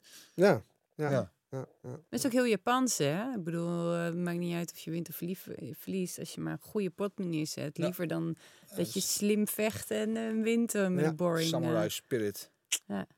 Exact. Ik wil het even kort eh, over afgelopen weekend hebben met jullie, wat allemaal gebeurd is. Even rondje langs. eh, ja, nou, laten we daar meteen maar beginnen. Wie Zo, eh UFC 260. Welke? Nagano tegen Stipe. Eh, Heb je gekeken? Ja, ik heb echt alleen de knockout bekeken. Dus ik heb de op. De Nou, dat was genoeg. Ja, dat was niet meer dan dat. Nee, Die wel. heeft nee. één shoot First round. geprobeerd. Die werd supergoed geblokt. Ja. En hij- wat ik vooral tof vond, was hoe Nagano, hoe soepel hij om hem heen bewoog toen eh Stipe op zijn knieën zat. En toen hij zijn rug nam, en toen Ja, dacht ik, wow. Ja, maar de souplesse die hij Ja. had met dat lichaam. Ja, pff, ja. kijk, het verhaal van die wedstrijd was natuurlijk vooraf een beetje... Ze hebben tegen elkaar gevochten drie jaar geleden. En dan Stipe gooit het vooral op de takedowns, het worstelen. En daar Mhm. had Nagano geen antwoord op. En die heeft hem gewoon echt gewoon, eh, ja, wear and tear. Die heeft hem echt gewoon uitgeput toen. En ehm, veel mensen verwachten wel een beetje dezelfde soort wedstrijd nu. En toen nam hij die takedown... En hoe Nagano die verdedigde. En vervolgens ook nog de rug van Stipe pakte. dacht ik, wow, Ja. nou, nu heeft Stipe... En ik denk dat toen ook wel een beetje brak. Want dit was een hele gameplay en kon zo de play in. Het was eh, 30 pound verschil. Iets een kleine Ja, 14 zoiets, kilo ja, verschil. 2,34 was hij stiepe. Aan was vrij licht. Aan spier. Ja. Ja, nee, eng, ja, geweldig. eh, Fantastisch, die fantastisch gedaan. Ehm, wat hadden we nog meer? Uh, Vicente Luque, die deed natuurlijk geweldig met Henry Hoofd in zijn in zijn ko- in zijn hoek. Ook eh fantastische overwinning op Tyron Woodley, ex-kampioen. Een mooie pot. Zo, die, Eh, po- die, eh, wat, ik, wat ik heel mooi vond, was hoe eh, Woodley in, naar zijn instinct terugging. Dus hij, hij was gewoon staan en knock-out. Die Ja. benen waren helemaal stijf. ja. Hij ging, en hij probeerde gewoon nog terug te vechten. Ja, hij dat- vocht was de laatste kans. Hij vocht was de laatste kans, dat zag hij. Hij ging vol voor en eh, kwam tekort, ja, helaas. Binnenkort naar Bellator. Oké, top. Maar dat zou ja, ik, kunnen. ik ga niet weg. Ja. Eh, was, je, Ehm, was die jongen van Henry, was je die... ehm was dat een Muay Thai, jongen? Ik heb Ja, het is een- is- opwarming. Ik zie heel veel Muay Thai, Ja. eh, zag, ik, eh, zag ik erin terug. ja, Henry Hij zei toch ook... knap dat hij toch een jongens kickboksen Muay Thai is, dan zeg maar toch die change kunnen maken. Die, die, toch die stap Ja. naar de MMA maken en dat het toch... eh, Maar ja, weet je, Weet je, Brazilianen die kunnen ook allemaal op de grond vechten. Dus Ja. ja. allemaal, Ja, maar weet je je, wat ik, wat ik ook denk? Als, als kickbokser ehm, is- en je wil die stap maken, is het heel belangrijk om het simpel te houden. Ja. Dus je moet niet, eh, je moet gewoon een MMA-trainer hebben. Je moet geen BJJ-trainer erbij gaan trekken. Je moet een hoofdtrainer hebben. Want wat je, krijgt zo'n BJJ-trainer, die wil natuurlijk lekker BJJ rug. gaan uitleggen. Ja. ga duizend technieken leren. Moet je helemaal niet doen. Je moet gewoon staande houden. Je moet weten hoe je een shoot blokt, hoe je iemand omzet, Mhm. een beetje dingetjes Ja. tegen de kooi aan leren. En dan moet je gewoon op de grond een paar dingen leren. En je hebt maar helemaal niet zoveel nodig. Mijn vader, zeg maar even of het klopt. eh, De- Dennis zei dat Kruif zei. Oh, ik begeef me op glad ijs hoor. Nee, dat je maar doen. eigenlijk drie technieken hoefde te leren. En dat, en dat, je die, dat hij die op alle mogelijke manieren aan elkaar verbond. Klopt dat? Dus Deze is nieuw voor mij. Oké, dat heeft mijn vader het verzonnen. Maar het principe, dat je dus, je hoeft eigenlijk helemaal niet zoveel technieken eh, vanuit het worstelen te kennen en niet zoveel op de grond. Maar als je die paar technieken supergoed beheerst en de principes snapt, zoals jij ook Mhm. over afstand hebt en dat soort dingen, dan ben je er feitelijk al als je op een heel hoog niveau kunt kickboksen. Maar wat die kickboxers gaan doen, die gaan ineens helemaal worstelen en helemaal BJ doen. En dan moeten ze dat hele pakket in elkaar gaan zetten. Moet je niet doen. En vergeet niet, hè, een kickboxer heeft een mind, mindset van naar voren gas Ja. geven. Dus de, de rust en de afstandsbepalingen die constant zien te bewaren en toch nog enigszins een aanval durven op te zetten, dat gaat niet zo snel en makkelijk als dat je bij, eh, in een kickboxpartij Nee, doet. nou, ik denk Dus zo. de rust die je tussen je oren nodig hebt, hè, Ja. om toch juist want je hebt ook een lange tijdsbestek natuurlijk, hè, het is meer een momentum. Ja, da- daar moeten ze ook vanaf stappen. Weet je. Heel veel denken van ja, dat doe ik wel even als ze dan onderdoor schieten. Weet Ja, je, ja, wel. ja. dan gooi ik met mijn heupje naar achteren. Doe ik wel even. Maar, Ja, ja, maar wat je zegt over zo'n Petrosian, die altijd op het juiste moment staat, goed naar de voeten kijken. Zoals, ik weet zeker, als hij de overstap gaat maken naar MMA, dan met Ja. zijn stijl gaat het prima. Ja. Mits Ja. natuurlijk wel de juiste dingen erbij leert. Nou, maar Mhm. daarom wat jij zegt dat hij is een Muay Thai vechter. Ik denk eerlijk gezegd dat het makkelijker is om vanuit Muay Thai de overstap naar MMA te maken dan vanuit kickboksen. ja, de rust. Ja, de Rust. rust, maar de andere stance ook. Maar ook eh, meer clinchen, eh, ellebogen, dat zit er allemaal al in. Dus die, die, die, ik denk dat die Mhm. transitie makkelijker te maken is. Maar goed, dat is niet Ja. de discussie eh, voor nu. Sean O'Malley. Sean O'Malley hadden we nog. Sugar Sean, ja, geweldige knockout. Maakte wel de fout in de eerste ronde. Ja. Door te denken dat hij hem al knock-out had. eh, maar hij was nog niet knock-out. niet. Dat hij die- weg probeerde te lopen. Maar ook Ehm, hoe zijn tegenstander dat gewoon wegslikte en doorging. Thomas Almeida, ja. Eh, Wat, ja. wat je zag in die partij is... Ik, sorry, ik ben weer zijn naam kwijt. Maar zijn tegenstander dus... Thomas Almeida. Ja. Wat zeg je? Thomas Oud-kampioen Almeida. Ja, ook, en daarom, Ah, eh. Braziliaan, ja. You know, luister vaak naar de podcast, je weet dat ik geen naam kon onthouden. Maar anyway, wat je zag is dat hij groeide in de, in de wedstrijd. Hij werd steeds beter. Ja, omdat hij Alleen-. Het niveau van O'Malley zit hier en hij Ja. zit hier. Dus hij kan groeien wat hij wil. Hij gaat het niveau niet aan. aantikken. Dat was, eh, was geweldig. ik denk ook een beetje het, het- waar we allemaal mee kampen. Een beetje de oude garde. Als je kijkt naar Stipe en naar eh, Francis, weet je wel. En ook de Almai die al jaren meeloopt. Hè. Ook allemaal op, op diezelfde eh doordendend, zeg maar, als het ware. Weet je. En al die jonge jongens die er net even iets gretiger zijn. Ik denk dat daar ook vaak het verschil in gemaakt, Ja. gemaakt wordt. Nou ja, op een gegeven moment, maar dat is natuurlijk gewoon de, de, de hoe noem je dat? De, de wet van de natuur. Op een gegeven moment ja, wordt de zeker. generatie ingehaald door de jongeren. Ja. Ja. Circle of life. Hey, Hey, er werd gebokst ook afgelopen weekend. Eh Dillian White eh, tegen Paul Vetkin, eh, deel 2. Want de eerste partij was gewoon de Paul Vetkin. Vorig jaar knockout van het jaar. Nu hadden ze het even omgedraaid. Dillian White sloeg Paul Vetkin nu knockout. Geweldige pot ook. En ze zijn al met elkaar overeengekomen dat ze dus een derde en beslissende partij met Ah, elkaar top. moeten doen. Dat staat top. En een speciale vermelding op dit evenement vocht de zoon van Ricky Hatton. There's only one Ricky Hatton. Eh, die vocht zijn eerste profpartij daar op Gibraltar. Gewonnen, ja. Ja? Ik heb het niet gezien, dus ik kan er verder niks over vertellen. Maar eh, heb je helemaal aankomen. ik, daar heb ik Ja, niks van gezien. Ja, ja Maar maar leuk als je dan ook terug, dingen terugziet van, eh, van Ricky zelf. precies. Ik ga nog wel even kijken, dus laat ik je Redelijk volgende keer dan wel weten. Compact. eh, Ja, Ricky Ja. Hatton is natuurlijk wel een fenomeen. ja, zeker. Hield ook wel van een bakkie trouwens. Ja. Eh, dan, eh, dan even een rondje comebacks. Eh, en dan kijk ik met name even naar jou. Misha Tate. Ja, oeh, ik zag terug. hem, ja. Wat dacht je toen je dat hoorde? Ik was verbaasd, want ik dacht, die zit lekker als vice-president bij One. Ja. Dus ik dacht ook, is dan dat, dat contract afgelopen eh, bij One, dat ze weer teruggaat? En Ja. ik zag ook nog een tweet van Ben Volks, een hele leuke MMA-journalist. En eh, die zei ook van, ehm, ik geloof het pas echt als eh, MMA-vechters met pensioen zijn, als die vijf jaar voorbij zijn. Zeg, Misha ja, ja. Tate, 4,5 jaar met Vijf pensioen. jaar, ja. En ze stapt weer terug. Ja, waarom doet ze het? Ik vind het wel leuk dat ze terug gaat. Ik ben heel erg benieuwd. Ze is nu moeder van twee kinderen. Ja. Dus daar ga je toch wat aan. Ik Denk, hoe wil jij dat gaan eh, trainen gaan doen met twee hele jonge kinderen? En het- rusten. Je bent ouder geworden zo. Maar haar eerste partij is tegen je Renault. Marion Renault. Ja, haar afscheidspartij. Haar Da- afscheidspartij. Ja, dat is niet 43 de beste vechter. eh, dus dat is een goede, Nee, goede warm-up voor Ja. Leuk. was er ook niet een, eh, een sparringspartijtje van haar en volgens mij met Claudia Cordelia, volgens mij? Die zo'n Ja. hoge trap maakte. In, Ja? in, in, Oh, in een niet trainingspartij tegen een mat aan. Ze komen samen van de muur af, ze staat op en ze geeft een hoge trap. En er was wel commotie over volgens mij. Dus ik dacht van, ja, is dat normaal? gaan hè? we even opzoeken, Eh, ja. ja, moet je even, even opzoeken. Maar Ja. toen dacht ik ook al van, en dat was nog voor eh, de, het persbericht dat ze terug zou komen. Ah, Ja. Dus is wel ik dacht geheim al aan het oh. voorbereiden. Ja, ik ben Ja. benieuwd, ik geloof 17 Spannend. juli, of in ieder geval gaat Nou, dat, ik ga eh, kijken. Heel gaat dat leuk. gebeuren. Ja, ik ben eh, heel benieuwd. En eh, ook nog onder het kopje comebacks, Oscar de la Hoya Echt? gaat zijn comeback maken. Ja, hij is eh 48 inmiddels, sinds 2008 niet meer gevochten. Ehm 3 juli op dat eh, thriller evenement. Dus hetzelfde evenement waar eh, eh, Ben Askren tegen Oh. Jake Paul vecht.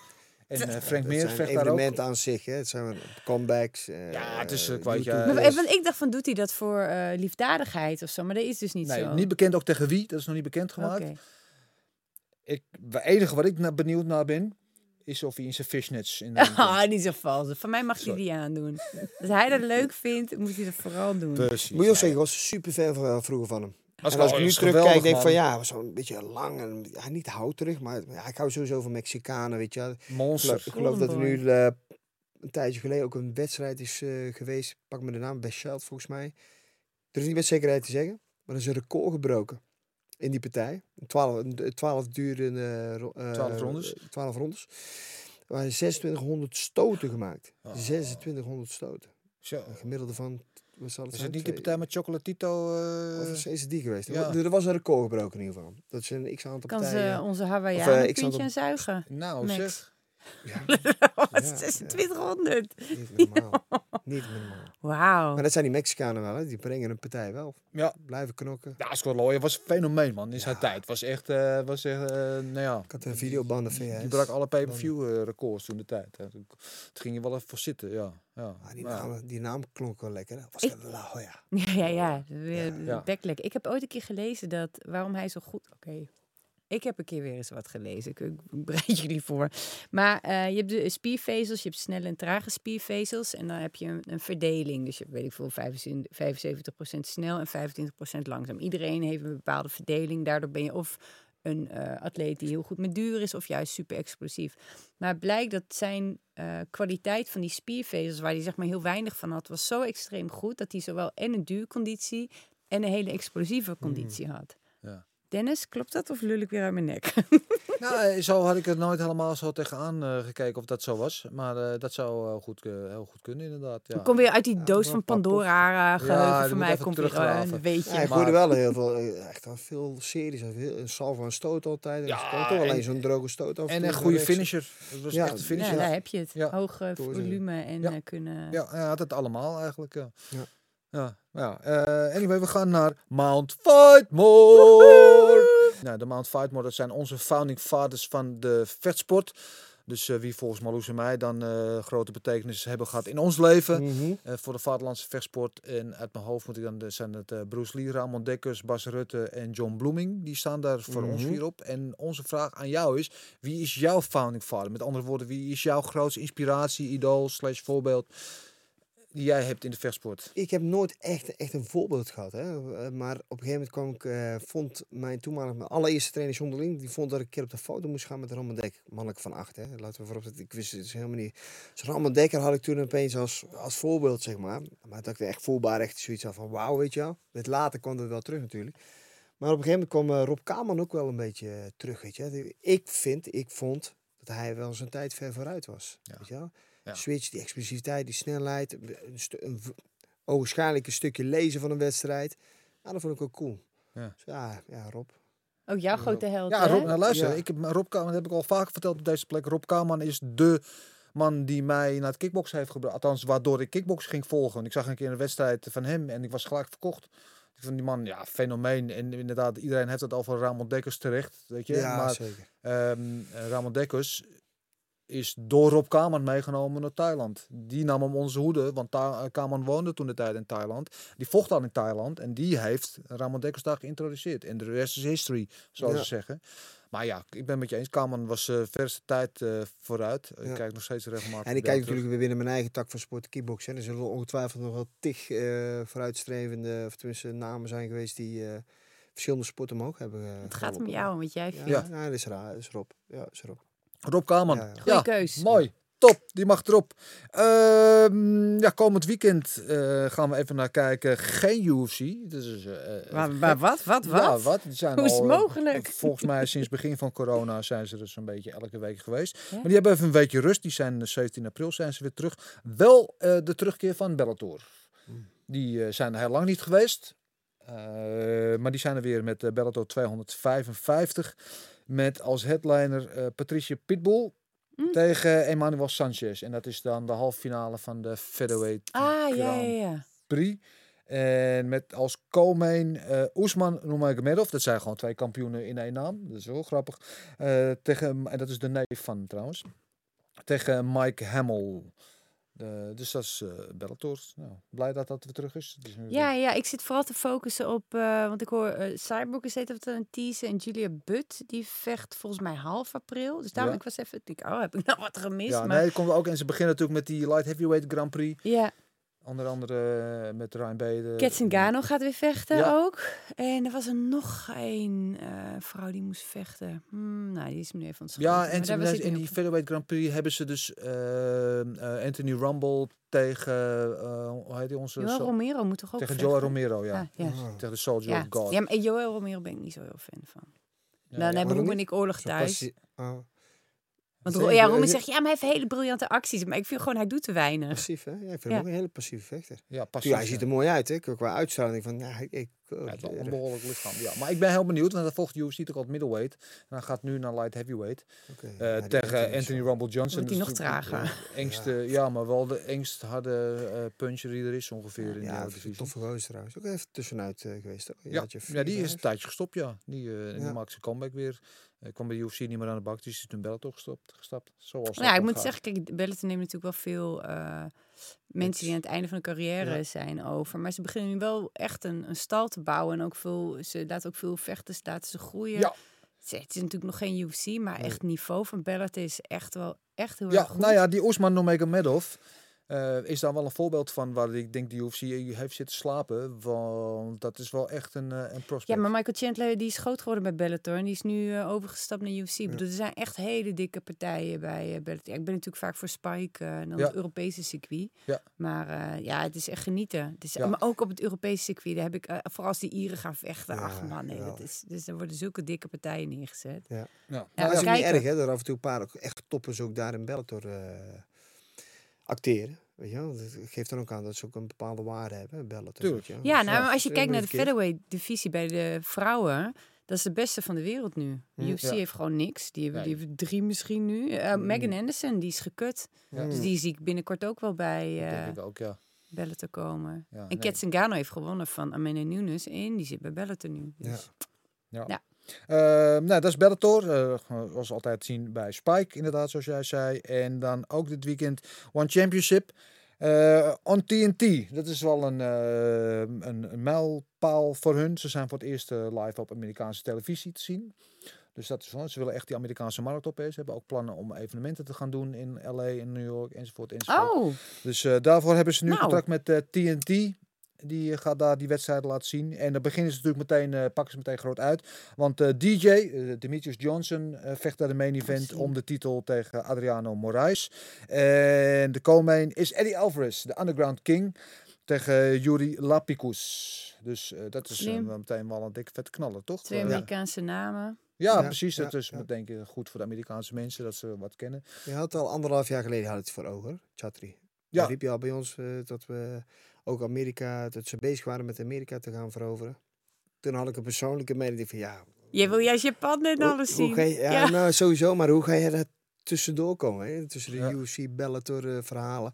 Dan laten ze niet toe. Maar ja, hij laat ook heel vaak zien dat hij eh, ja, niet eh, de gebruikelijke Amerikaanse dikke middelvinger gebruikt. Maar dat hij toch wel eh, zijn krachten en zijn- zijn- zijn- kennis toch, eh, met, met kracht en kennis toch een paar potjes kan breken. Ja. Dus, Wat jij, want dat betekent ook dat jouw volgende wedstrijd bij One bij, op, in Amerika op televisie te zien is. Is dat Ja. iets waar jij enthousiast van wordt? nee. Nee? Nee, ja, ja, ja.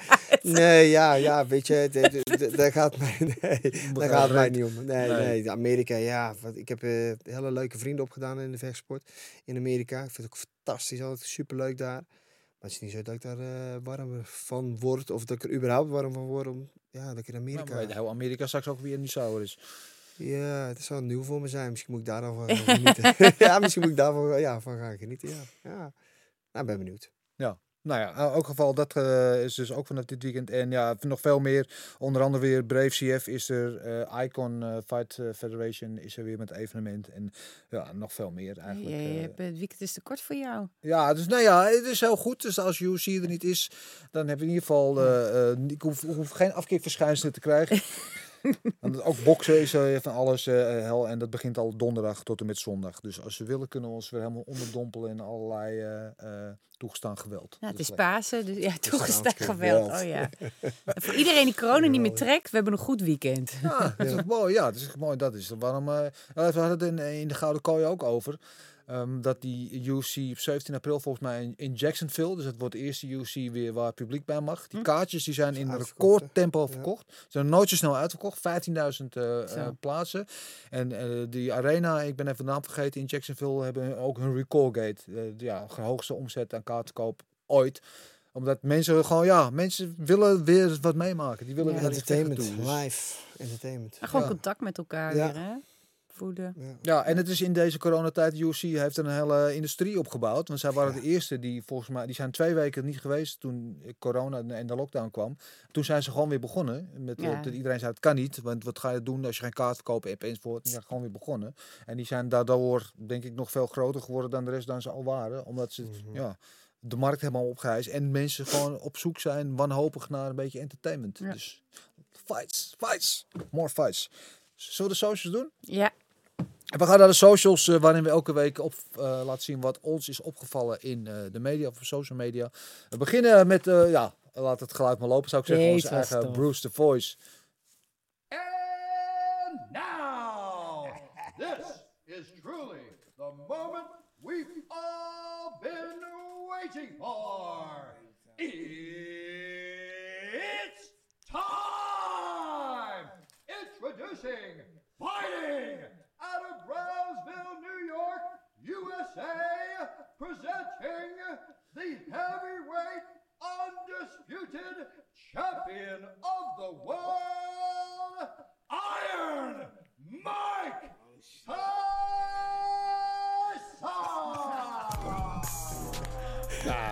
is toch fantastisch. hey, ik hoop dat voordat ik doodga, dat hij dit nog ook ooit een keer voorbij zou willen doen. Ja, Dan toch? maakt niet uit Ja, wat het kost. ja. Luister, je Maar kan- Alsjeblieft. Wat zou hij beleven als hij dat doet? Hij, is voor hem natuurlijk eh, gesneden koek natuurlijk. Maar waar, waar, waar, waar- waardoor staat hij? Zie je het die zelf wel doen? Voor De- 15, 20.000 man. Dat, dat, dat- ja, wat, hetgeen wat hij doet. Ja, maar dit, dit is ook echt zo'n. Het is ook echt een, een kunst. Want je hebt ook die man van, ehm van Bellator, die is ook fantastisch. Ja. The Voice is zijn bijnaam. Er zit echt een, een, een, een ritme in en een Ja. opbouw en een harde, zachter. Ik, vind- dat ja, dat het is- bedoel ik. Het is gewoon een dingetje aan zich. Het is gewoon echt inderdaad. Ja. eh, Ja, nou, en het mooie is verhaal, want zijn broer is natuurlijk Michael Buffett, die natuurlijk al eh, sinds jaar en dag de box, eh, de stem van het boksen is. Die Ja. zelfs, eh, wat is het, Let's Get Ready to Rumble, Mhm. gepatenteerd heeft. Dus elke keer als iemand dat roept, dan gaat bij hem de kassa rinkelen. Kaching. En eh, zij eh, was zijn broers, eh, maar ze hebben elkaar heel lang niet gekend. Want ze hebben wel dezelfde vader, maar verschillende moeders, geloof ik. Oh. En hij heeft heel lang niet geweten dat het zijn broer was. En hij is eigenlijk via zijn broer is hij daar een beetje in terechtgekomen in het wereld. Dus ik heel bijzonder dat twee broers allebei gewoon zulke toonaangevende ringannouncers zijn. En, eh, en maar eventjes om terug te komen, wat je, dat je dat wil. Hij heeft een website, Bruce Buffer. En het kost je geloof ik 50 dollar of zo. En dan Oh, spreekt hij voor jou een, eh een zo gepersonaliseerd- goedkoop. Ja, weet ik veel. Ik ben binnenkort Zeg, eh, jarig mensen, dat jullie het weten. Ja, Ja, lekker. Een stormloop aan eh, invoices. Of in ieder geval op je bericht, Ja. eh, e-mail eh, inbox. Ja, nee, hij, zij dus- is wel... Kan ik niet geloven. 50 euro? Ja, of zoiets zal het... of- 500 vind ik nog het weinig. 70 Ja. dollars zijn. Dus ik weet niet. In ieder geval eh, op zijn website kan je daar... Te doen eh, in ieder geval. en dan Kan ik spreekt hij zeggen, dat- vechtspazen? spreekt hij dat voor je in. Oh, we hebben al hele goeie, hè? Luister. Kijk, daar Wij hebben de allerbeste, hè? Kijk, wij hebben de allerbeste. Ik ga niet zeggen wie het is. Eh, luister even onze intro terug. En voor degene die kan raden welke stem dat is, wie Die onze vechtersbazen in, intro inspreekt, die krijgt eh, van onze mooie vechtersbazen hoodie. De enige echte ore Weet je dat ik daar zo'n beetje de hele week inloop? Want die is echt heel erg fijn. Ja, nee, serieus. Ik hou het niet. Ja, maar dus, volgende. deze. We gaan naar de volgende. Laat staat het filmpje maar. Ik ben Yusri Belgarwi, glory kickboxer en MMA-vechter. Ook als topsporter kom, kom ik wel eens bij gezelligheidjes en dan zag ik vaak van die ballonnen in de ronde gaan. Uit nieuwsgierigheid heb ik het wel eens geprobeerd. Maar De laatste tijd hoor ik veel verhalen van jongeren die in serieuze problemen komen door lachgasgebruik. Ik ga met verschillende mensen in gesprek, waaronder een arts, Juist het feit dat het zo makkelijk Nou, te onze eh, is, grote vriend eh, een Jussi Vorige week hadden we het hem feit dat het dus ook eh, nog eh, Ja. een in jongerencoach. de uitzending bespraken we de jongens die, geweldige eh, KO die hij had. eh, Soms gewoon weten Zie. niet Aankooi? Ja, ja, ja. Ja, en, en nu eh, kwam deze week dit filmpje met hem eh, online. En dat is in samenwerking met Jellinek en de GGD GGD. toch? In een campagne om inderdaad die jongeren te waarschuwen tegen het lachgasballonnengebruik. Want ja, je kent ze allemaal wel, die lachgasballonnen. Ik heb ze vroeger op een feestje ook wel eens genomen. Word je even een beetje, een beetje licht in je hoofd en gezellig. Eh, maar dat schijnt dus echt een, eh, een probleem te zijn. Er schijnen heel veel jongeren echt eh, verslaafd aan te zijn en allerlei problemen door te krijgen. Ook lichamelijk, maar ook eh, eh, mentaal. Eh, en eh, er zijn een campagne gestart. Maar ook voor hem een mooie stap. Ja, ja goed. Ja, en hij is natuurlijk, ik vind hem heel eloquent. Ja. En ook als commentator doet hij het goed. Een goede Ja, maar ook, spreker. ook, ook slim eh, vanuit het marketingbureau of whatever, communicatiebureau die hem heeft ingezet. Die heeft gedacht, oké, we moeten iemand hebben waar de jeugd naar opkijkt. Ja. Moeten we vechten hebben. Dan moeten Ja. we ook even slimme gasten hebben. Hoppakee, kom je bij Ja, niemand die wel, Tof. want hij is zelf wel een jongen van de straat eh, Ja. uiteindelijk, weet je. Hij Dat is wel wel die, opgewerkt. credibility. Ja. Ja, buiten dat feit heeft hij, hij leent zich ervoor. Dus hij, dat is een, een dingetje aan zich al iets positiefs. Ja, ik- dit soort dingen moeten vaak gebeuren. Ja. Vechtsporters ingezet worden voor. eh, we zijn echt, echt wel rolmodellen. Ja. Eh, niet Ja. normaal. Alle gaan de straat op. Ze willen of profvoetballer worden of ze willen vechter worden. Ja. Nou, als die vechters even een, eh, boodschap kunnen geven. Onder andere bijvoorbeeld lachgas, wat serie- een serieus probleem is. Bij ons in het zuiden ook wel. Ja. Ja. Ja, dan, eh, ja. Ja, je ziet Het alleen maar erger met straat, die slagroompatronen. Zie je dan Ja. liggen zo. Dat, dit kan het heel makkelijk het Een namelijk zelf maken. hele, hele bus, of hoe noem je dat, eh, van die, eh, van die tanks. Ja. Hebben ze, zie je gewoon voorbij komen. Ja. Maar ook de promotie ervan, weet je, wel, op social media. Ja. Is gewoon geaccepteerd en gewoon normaal. Ja. Jij, hebt, zo- jij hebt twee zoons, hè? Ja, Ja. Is het iets ik waar je druk om maakt? Of je, eh, eh, ja ik ben, ben er wel angstig voor, ja, dat ze dat doen, ja. ja. Ook het roken, het blowen is tegenwoordig, het ligt allemaal zo, zo voor de hand. Ja. Ja, ik vind het eng. Maar gelukkig sporten ze allebei, dus... Ja, dat helpt, hè? Ja. het helpt echt enorm. Je bent of heel erg getraind in sporten of heel erg getraind in het ander, maar het gaat niet samen. Nee, nee, nee, nee, precies dat. Het is of, eh, het is een imago, hè. Het is voor de kinderen, het is, eh, ja, ze willen snel rijk worden, ze willen veel geld, ze willen miljonair worden, ze willen een dikke auto, ze willen een dikke ho- horloge. En als het allemaal niet werkt, dus die druk die ze eigenlijk ervaren, als het niet direct of snel genoeg eh, gebeurt, ja, gaan ze rare dingen doen. Ja, dus dan goed Ja, dat er dat eh, belangrijk dat er sterke rol- rolmodellen zijn, zoals inderdaad een Jussi die dit soort Ja, dingen goed. veel te weinig. Daarom zeg ik al van, mocht er Ja. een, eh, je hebt net over een marketingsbureau. Mocht er een marketingsbureau dit zien, lezen, kijken, ik, eh, ik leen me ervoor hoor, want ik, ik ben er ook bang voor. Maar bij dat deze. komt ook wel een beetje En dan Ja. ga je Gevoed, niet, eh, net zoals eh, zo. Bilal eh, kinderen op Instagram een snikkel eh, laten zien. Hè? Dit, eh, dit dat gasten, net die moeten ze gewoon levenslang met Ja. een tv. eh. Hij is eng. Maar hij wordt wel heel zwaar gelincht, toch? Ja, wordt wel. maar hoe je ja. dat eerlijk zegt, dan. snikkel, het is serieus. ja, weet je, het is, Goed Amsterdam het is, hij moet gestraft worden, laten we dat voorop stellen. Ja. Maar het feit hoe hij nou gelincht wordt aan de hoogste nou boomgang, ik- het, het is wel een tendens van de huidige situatie. het is waar. Cancel culture. ja. Wauw, extreem hoor. Maar toch nog... Nou, ik, dat jochie van heel 12, slim. duizenden. En dat, dat heeft de jochie van 12 over drie jaar nog last van. En misschien Ja, nog wel veel langer dan, eh, Ja, dan misschien Ja. had dat jongetje niet zo, maar hij moet ze niet zo dik op leggen. Ik zou tegen hem, ik wil wel best met de man een keer in gesprek eh, gaan. Ja. Ik kan hem wel vertellen dat ik eh, dat soort geintjes vroeger ook onder, onderling eh hielden. Het is alleen nu iets groter. Maar ja, Ja, Ja, ja een en beetje te- niet te 22 en bagatelli- 12. ja, is ik zo, is ik zo. Maar het, weet je, het, wordt- het wordt nou zo, eh, het wordt voor het jongetje nu Ik ook moeilijker gemaakt. Ja, nee, maar ik, ik snap je punt. Dat, Ja? eh, ik snap je punt zeker wat je zegt. Buiten het feit dat het gewoon niet te goed te keuren valt Nee. Ja, natuurlijk. Oké, dat En lossen het op. Bilal 12 rondjes sparren met Andy in de Ja. ring. En dan Ja, ja, doet ja, hij het ja, nooit het meer. is, Beter eh, dan, goed, goed plan. Laten we het over leuke dingen hebben. Eh, we lieten hem net al eventjes eh, kort zien. De Mount Rushmore. Kijk, dan wil ik even een hartig woordje wisselen met eh, de grafisch designers van ESPN die dit bedacht hebben. Want wij hebben sinds wij eh, dit seizoen vechtersbasis hebben onze Mount Fightmore, hebben we het net over gehad.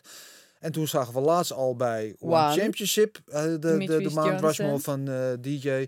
En nu krijgen we dit van E ESPN. Jongens, kom op, bedenk even zelf wat. Ik zeg, ah, die Amerikanen die hebben die Sioux-cultuur. Dus eh, misschien moeten we even eh, in de Ja. klimmen. Ja, waar kan ik mijn factuur naartoe stu- Ja. sturen? Want, eh, Een paar pen- nulletjes erachter, Dennis. Onze Pencil Sensei heeft het eh, allemaal van ons mooi gemaakt. En nu eh, krijgen we dit. Ik, ik vind het eigenlijk... eh, ik vind die het- van ons beter. van ons is beter, sowieso. 210. Nee hoor, ik vind het hartstikke leuk. Beter eh, goed gepikt dan eh, eh, slecht verzonnen. En eh, het feit... eh, Of het nou hing gewoon in de lucht, dat kan ook. Dat wij gewoon early adapters waren. En, eh Ja, zij en wij- de wij- followers. hebben soms ook heus wel eens ideetjes geleend. Zeg ik eerlijk, toch? Er Misschien. zit wel Viena nog bij, hè? Ja, typisch. Wie is die Ja. derde van links? Of de tweede van rechts? Is een poot gebroken? Het tweede van rechts? Ja, oh, Ja, eh, Hè? Fedor? Maori. nee, dat naast is de... die Tweede van rechts of derde van links? Ah, de- de- Dat is die zie je Fedor. Kane? Is Mauro- Is het- ja, Kane? Kane, je zei Kane Kane. Ja, Velasquez, Kane ja. Velasquez. Oh, Is- dat nou, Kane? Ik had ze waarde nou. Ah, oh, oh. Het lijkt erop alsof hij kaal is. Nou zie ik het een klein Ja, ja, ja, maar je ziet het donkere- wel ja, aan zijn ja, mond klopt. en die Ja, en Stiepe en eh, DC, hoe fantastisch ik DC ook vind, vind ik hem niet een van de goats eh, van de heavyweight divisie. Hij is misschien wel een van de goats van de sport, omdat Daar hij in Ellis divisies kampioen is geweest. staan. Ook heeft geen, Stiepe. geen... Nee, eh, DC. Maar ik vind hem niet een van de heavyweight. Maar goed, eh, Hé, er moet toch Alice erbij staan? Met alles wat hij heeft bereikt. Ook heeft geen. Ja. onderges- of een ondergewaardeerd Verdun, eh, of, eh, persoon. Oké, ja. wat Anyway, heb je nog meer? Eh, en last but not least eh, van onze grote vriend Kevin Glenn Pines. Die uh, Doembe, Doembe when he's not fighting met een iets opgeblazen hoofd. Eh, ja, ik moet dan wel lachen. Vooral als je zet ik Doembe op. Is natuurlijk de Glory welterweight kampioen. Als je Doembe volgt op Instagram, als hij niet aan het vechten is, je ziet alleen maar video's dat Oh, hij aan het eten man. is. En grote bakken baklava voor hem. En, die is, en hij kan zelf ook vrij goed koken. En ik heb hem wel eens eh, eh, een itemje met hem gefilmd dat hij aan het koken is. En hij is vroeger, want ik weet niet, dit is wel gefotoshopt, maar hij was vroeger heel dik. Voordat hij echt profvechter was, was hij eh, tegen de 100 kilo. Was het een, een, dik rond eh Vetklepje. propje. En, eh, en nu is het gewoon een atleet, topatleet. Eh, dus het is niet helemaal eh, eh, uit de lucht gegrepen, dit, dit plaatje. Heb jij hem, hij heeft ook een tijdje bij Giro getraind. Heb jij hem eigenlijk meegemaakt daar? Dus Nee. zit net, nee. Heeft hij bij Magere... Wanneer dan? Nee, dat, ehm, eh, ja, ik weet al een aantal jaren geleden. Toen hij voor de jonge zijn carrière was. Want ik weet toen hij de eerste keer tegen uh, Myrtle Groen had vocht. En toen hij zijn debuut bij Doembe maakte, vocht hij tegen Johan Congolo. Glory 22 uit mijn hoofd. Toen was hij nog. eh, toen was, Ja, niet normaal, maar ja, dit wist ik dus echt niet. toen Nee. was André Mannaert nog bij hem. Oké. Ja, hij heeft wel een arsenaal, eh, een houding, wat net even iets anders is dan eh, wat iedereen eh, doet. Ja. Of predikt, zo maar te zeggen. Het is wel eh, smooth. Ja. toe tegen het irritant aan. Weet je, wel, als ik, eh, dat zegt de vechtersmind natuurlijk. Maar hij heeft zijn laatste spot wel heel erg uh, Hij is heel dominant door de laatste wedstrijden. Goede bezen, maar minder vlodig. In het begin dacht ik van, nou, daar komen ze weer aan, die haymakers. Ja, Mm, daar ben ik niet zo kapot van. Maar ja, dat maakt hem ook wel weer gevaarlijk. Maar, maar ik had wel... eh, ik was blij verrast in zijn laatste pot. ja, ja je ziet, en je, mooi, je ziet hem ook eh, eh, ontwikkelen nog. En, en beter worden per wedstrijd eigenlijk. En dat vind ik altijd belangrijk. Weet je, je kan wel kampioen Mhm. zijn, maar het gaat erom of je ook nog de wil hebt om beter te worden. Om aan je. Maar je- ze je- dat hij geen trainer heeft. dat hij? Dat hij geen trainer heeft. Klopt dat? Nee, hij heeft geen vaste trainer. Hij heeft één. eh, hij beleidt zich vaak voor bij eh, Queensbury Boxing in Brussel. Eh, Samir, trainer die daar de boel bestiert. Maar het is niet zijn vaste gym, want hij woont in Parijs. Dus Samir staat wel altijd in zijn hoek. En af en toe gaat hij daar naartoe wel om te sparren. En hij heeft een vriend van hem, Abdel, Abdel Saki noemt hij zichzelf. Die, die hem ook een beetje helpt. Maar hij traint een beetje her en der. Hij doet hem, ja, Ja, vind ik toch knap. Ja, en hij heeft een vaste wel eh, kracht- en conditietrainer. En eh, ja, hij doet het heel goed. Dus- Ik denk dan altijd van, hoe goed zou die zijn als hij een goede hij trainer zou Ja, professioneel. deed het gewoon, ja, de jongen Ja. komt een beetje van de straat en is al een eh, ja, mindset hebben van, eh, ja, dit zijn mijn kansen en ik eh, gooi er alles uit. Maar dan vind ik het nog redelijk solide dan, als het toch, eh, Ja, ik als dat het hij niet is- geboetseerd wordt. Ja. Vind ik het eh, heel, eh, heel knap. Dat hij bij Ja. Joe Rogan, hij zat bij Joe Rogan. En toen vertelde hij aan Joe Rogan dat hij geen trainer had. En toen viel Joe Rogan ongeveer van zijn stoel. Zo, Wat? Wat zeg je? Je hebt geen Ja. trainer? Ja.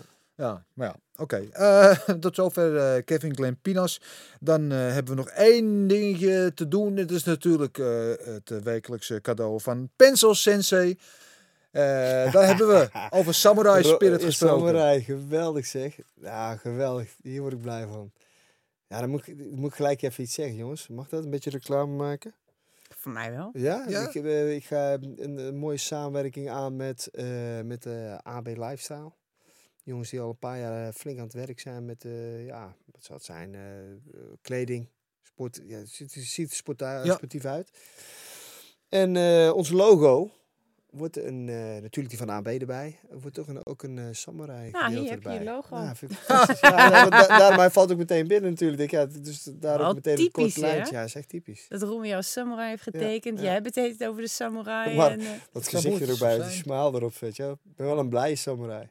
Schitterend. Ja, Japan, Japan, Japan komt erin terug. en natuurlijk ja, Japanse ehm, vlag ook, hè? ja. Op die manier. Je, eh, ja, de, ja, de samurai getekend door de enige echte onovertroffen Pencil Sensei. Eh volgend op Super eh. Instagram, Pencil Sensei, eh, voor meer van zijn eh, tekeningen. En we mogen nu al verklappen dat dit e- eigenlijk de enige reden is dat jij wilde komen vandaag. Dat vertellen we De niemand. zogenaamde bossenbollen vergeten. Ja. Maar, eh, Je hebt nog een foto voor de bakker gemaakt Ja, in de etalage. Ja, sorry. ja. ja, maar wat de reden ook was. En ik ben, Nee, heel, nee, fantastisch. ik ben heel blij dat je er was. Want Ja, eh, ik heb weer bedankt voor de van- uitnodiging. Ja, echt ge- geweldig. Ik vind ook het, in jullie verhaal, de ontwikkeling is daar te zien. Echt super, eh, ja, super eh, geweldig eh, gebeuren. Het wordt steeds alleen maar beter volgens mij. Toch? Nou, dankjewel. Daar eh, Dankjewel. mag ik een diepe buiging voor. Ehm, we gaan je volgen en we hopen dat je krijgt wat je nog zoekt. Dus eh van Oskan en eh Jojo Petrosian.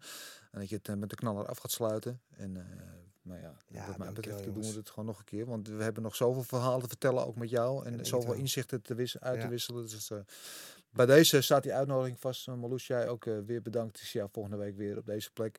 En eh, voor jullie allemaal weer bedankt voor het kijken of luisteren. Hoe jullie de podcast ook tot je nemen. Vergeet niet, zoals eerder gezegd, eventjes eh, te abonneren op ons kanaal. Op welk podcastplatform eh, je het ook bekijkt. En eh, te liken en te delen en het verder te vertellen.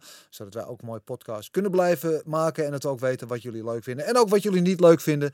En eh, voor onze volgende uitzending, als jullie vragen hebben voor onze gasten of aan ons, stuur ze gewoon in. En dan gaan we ze proberen mee te nemen. Are you ready for Oes. Vector's Bazen?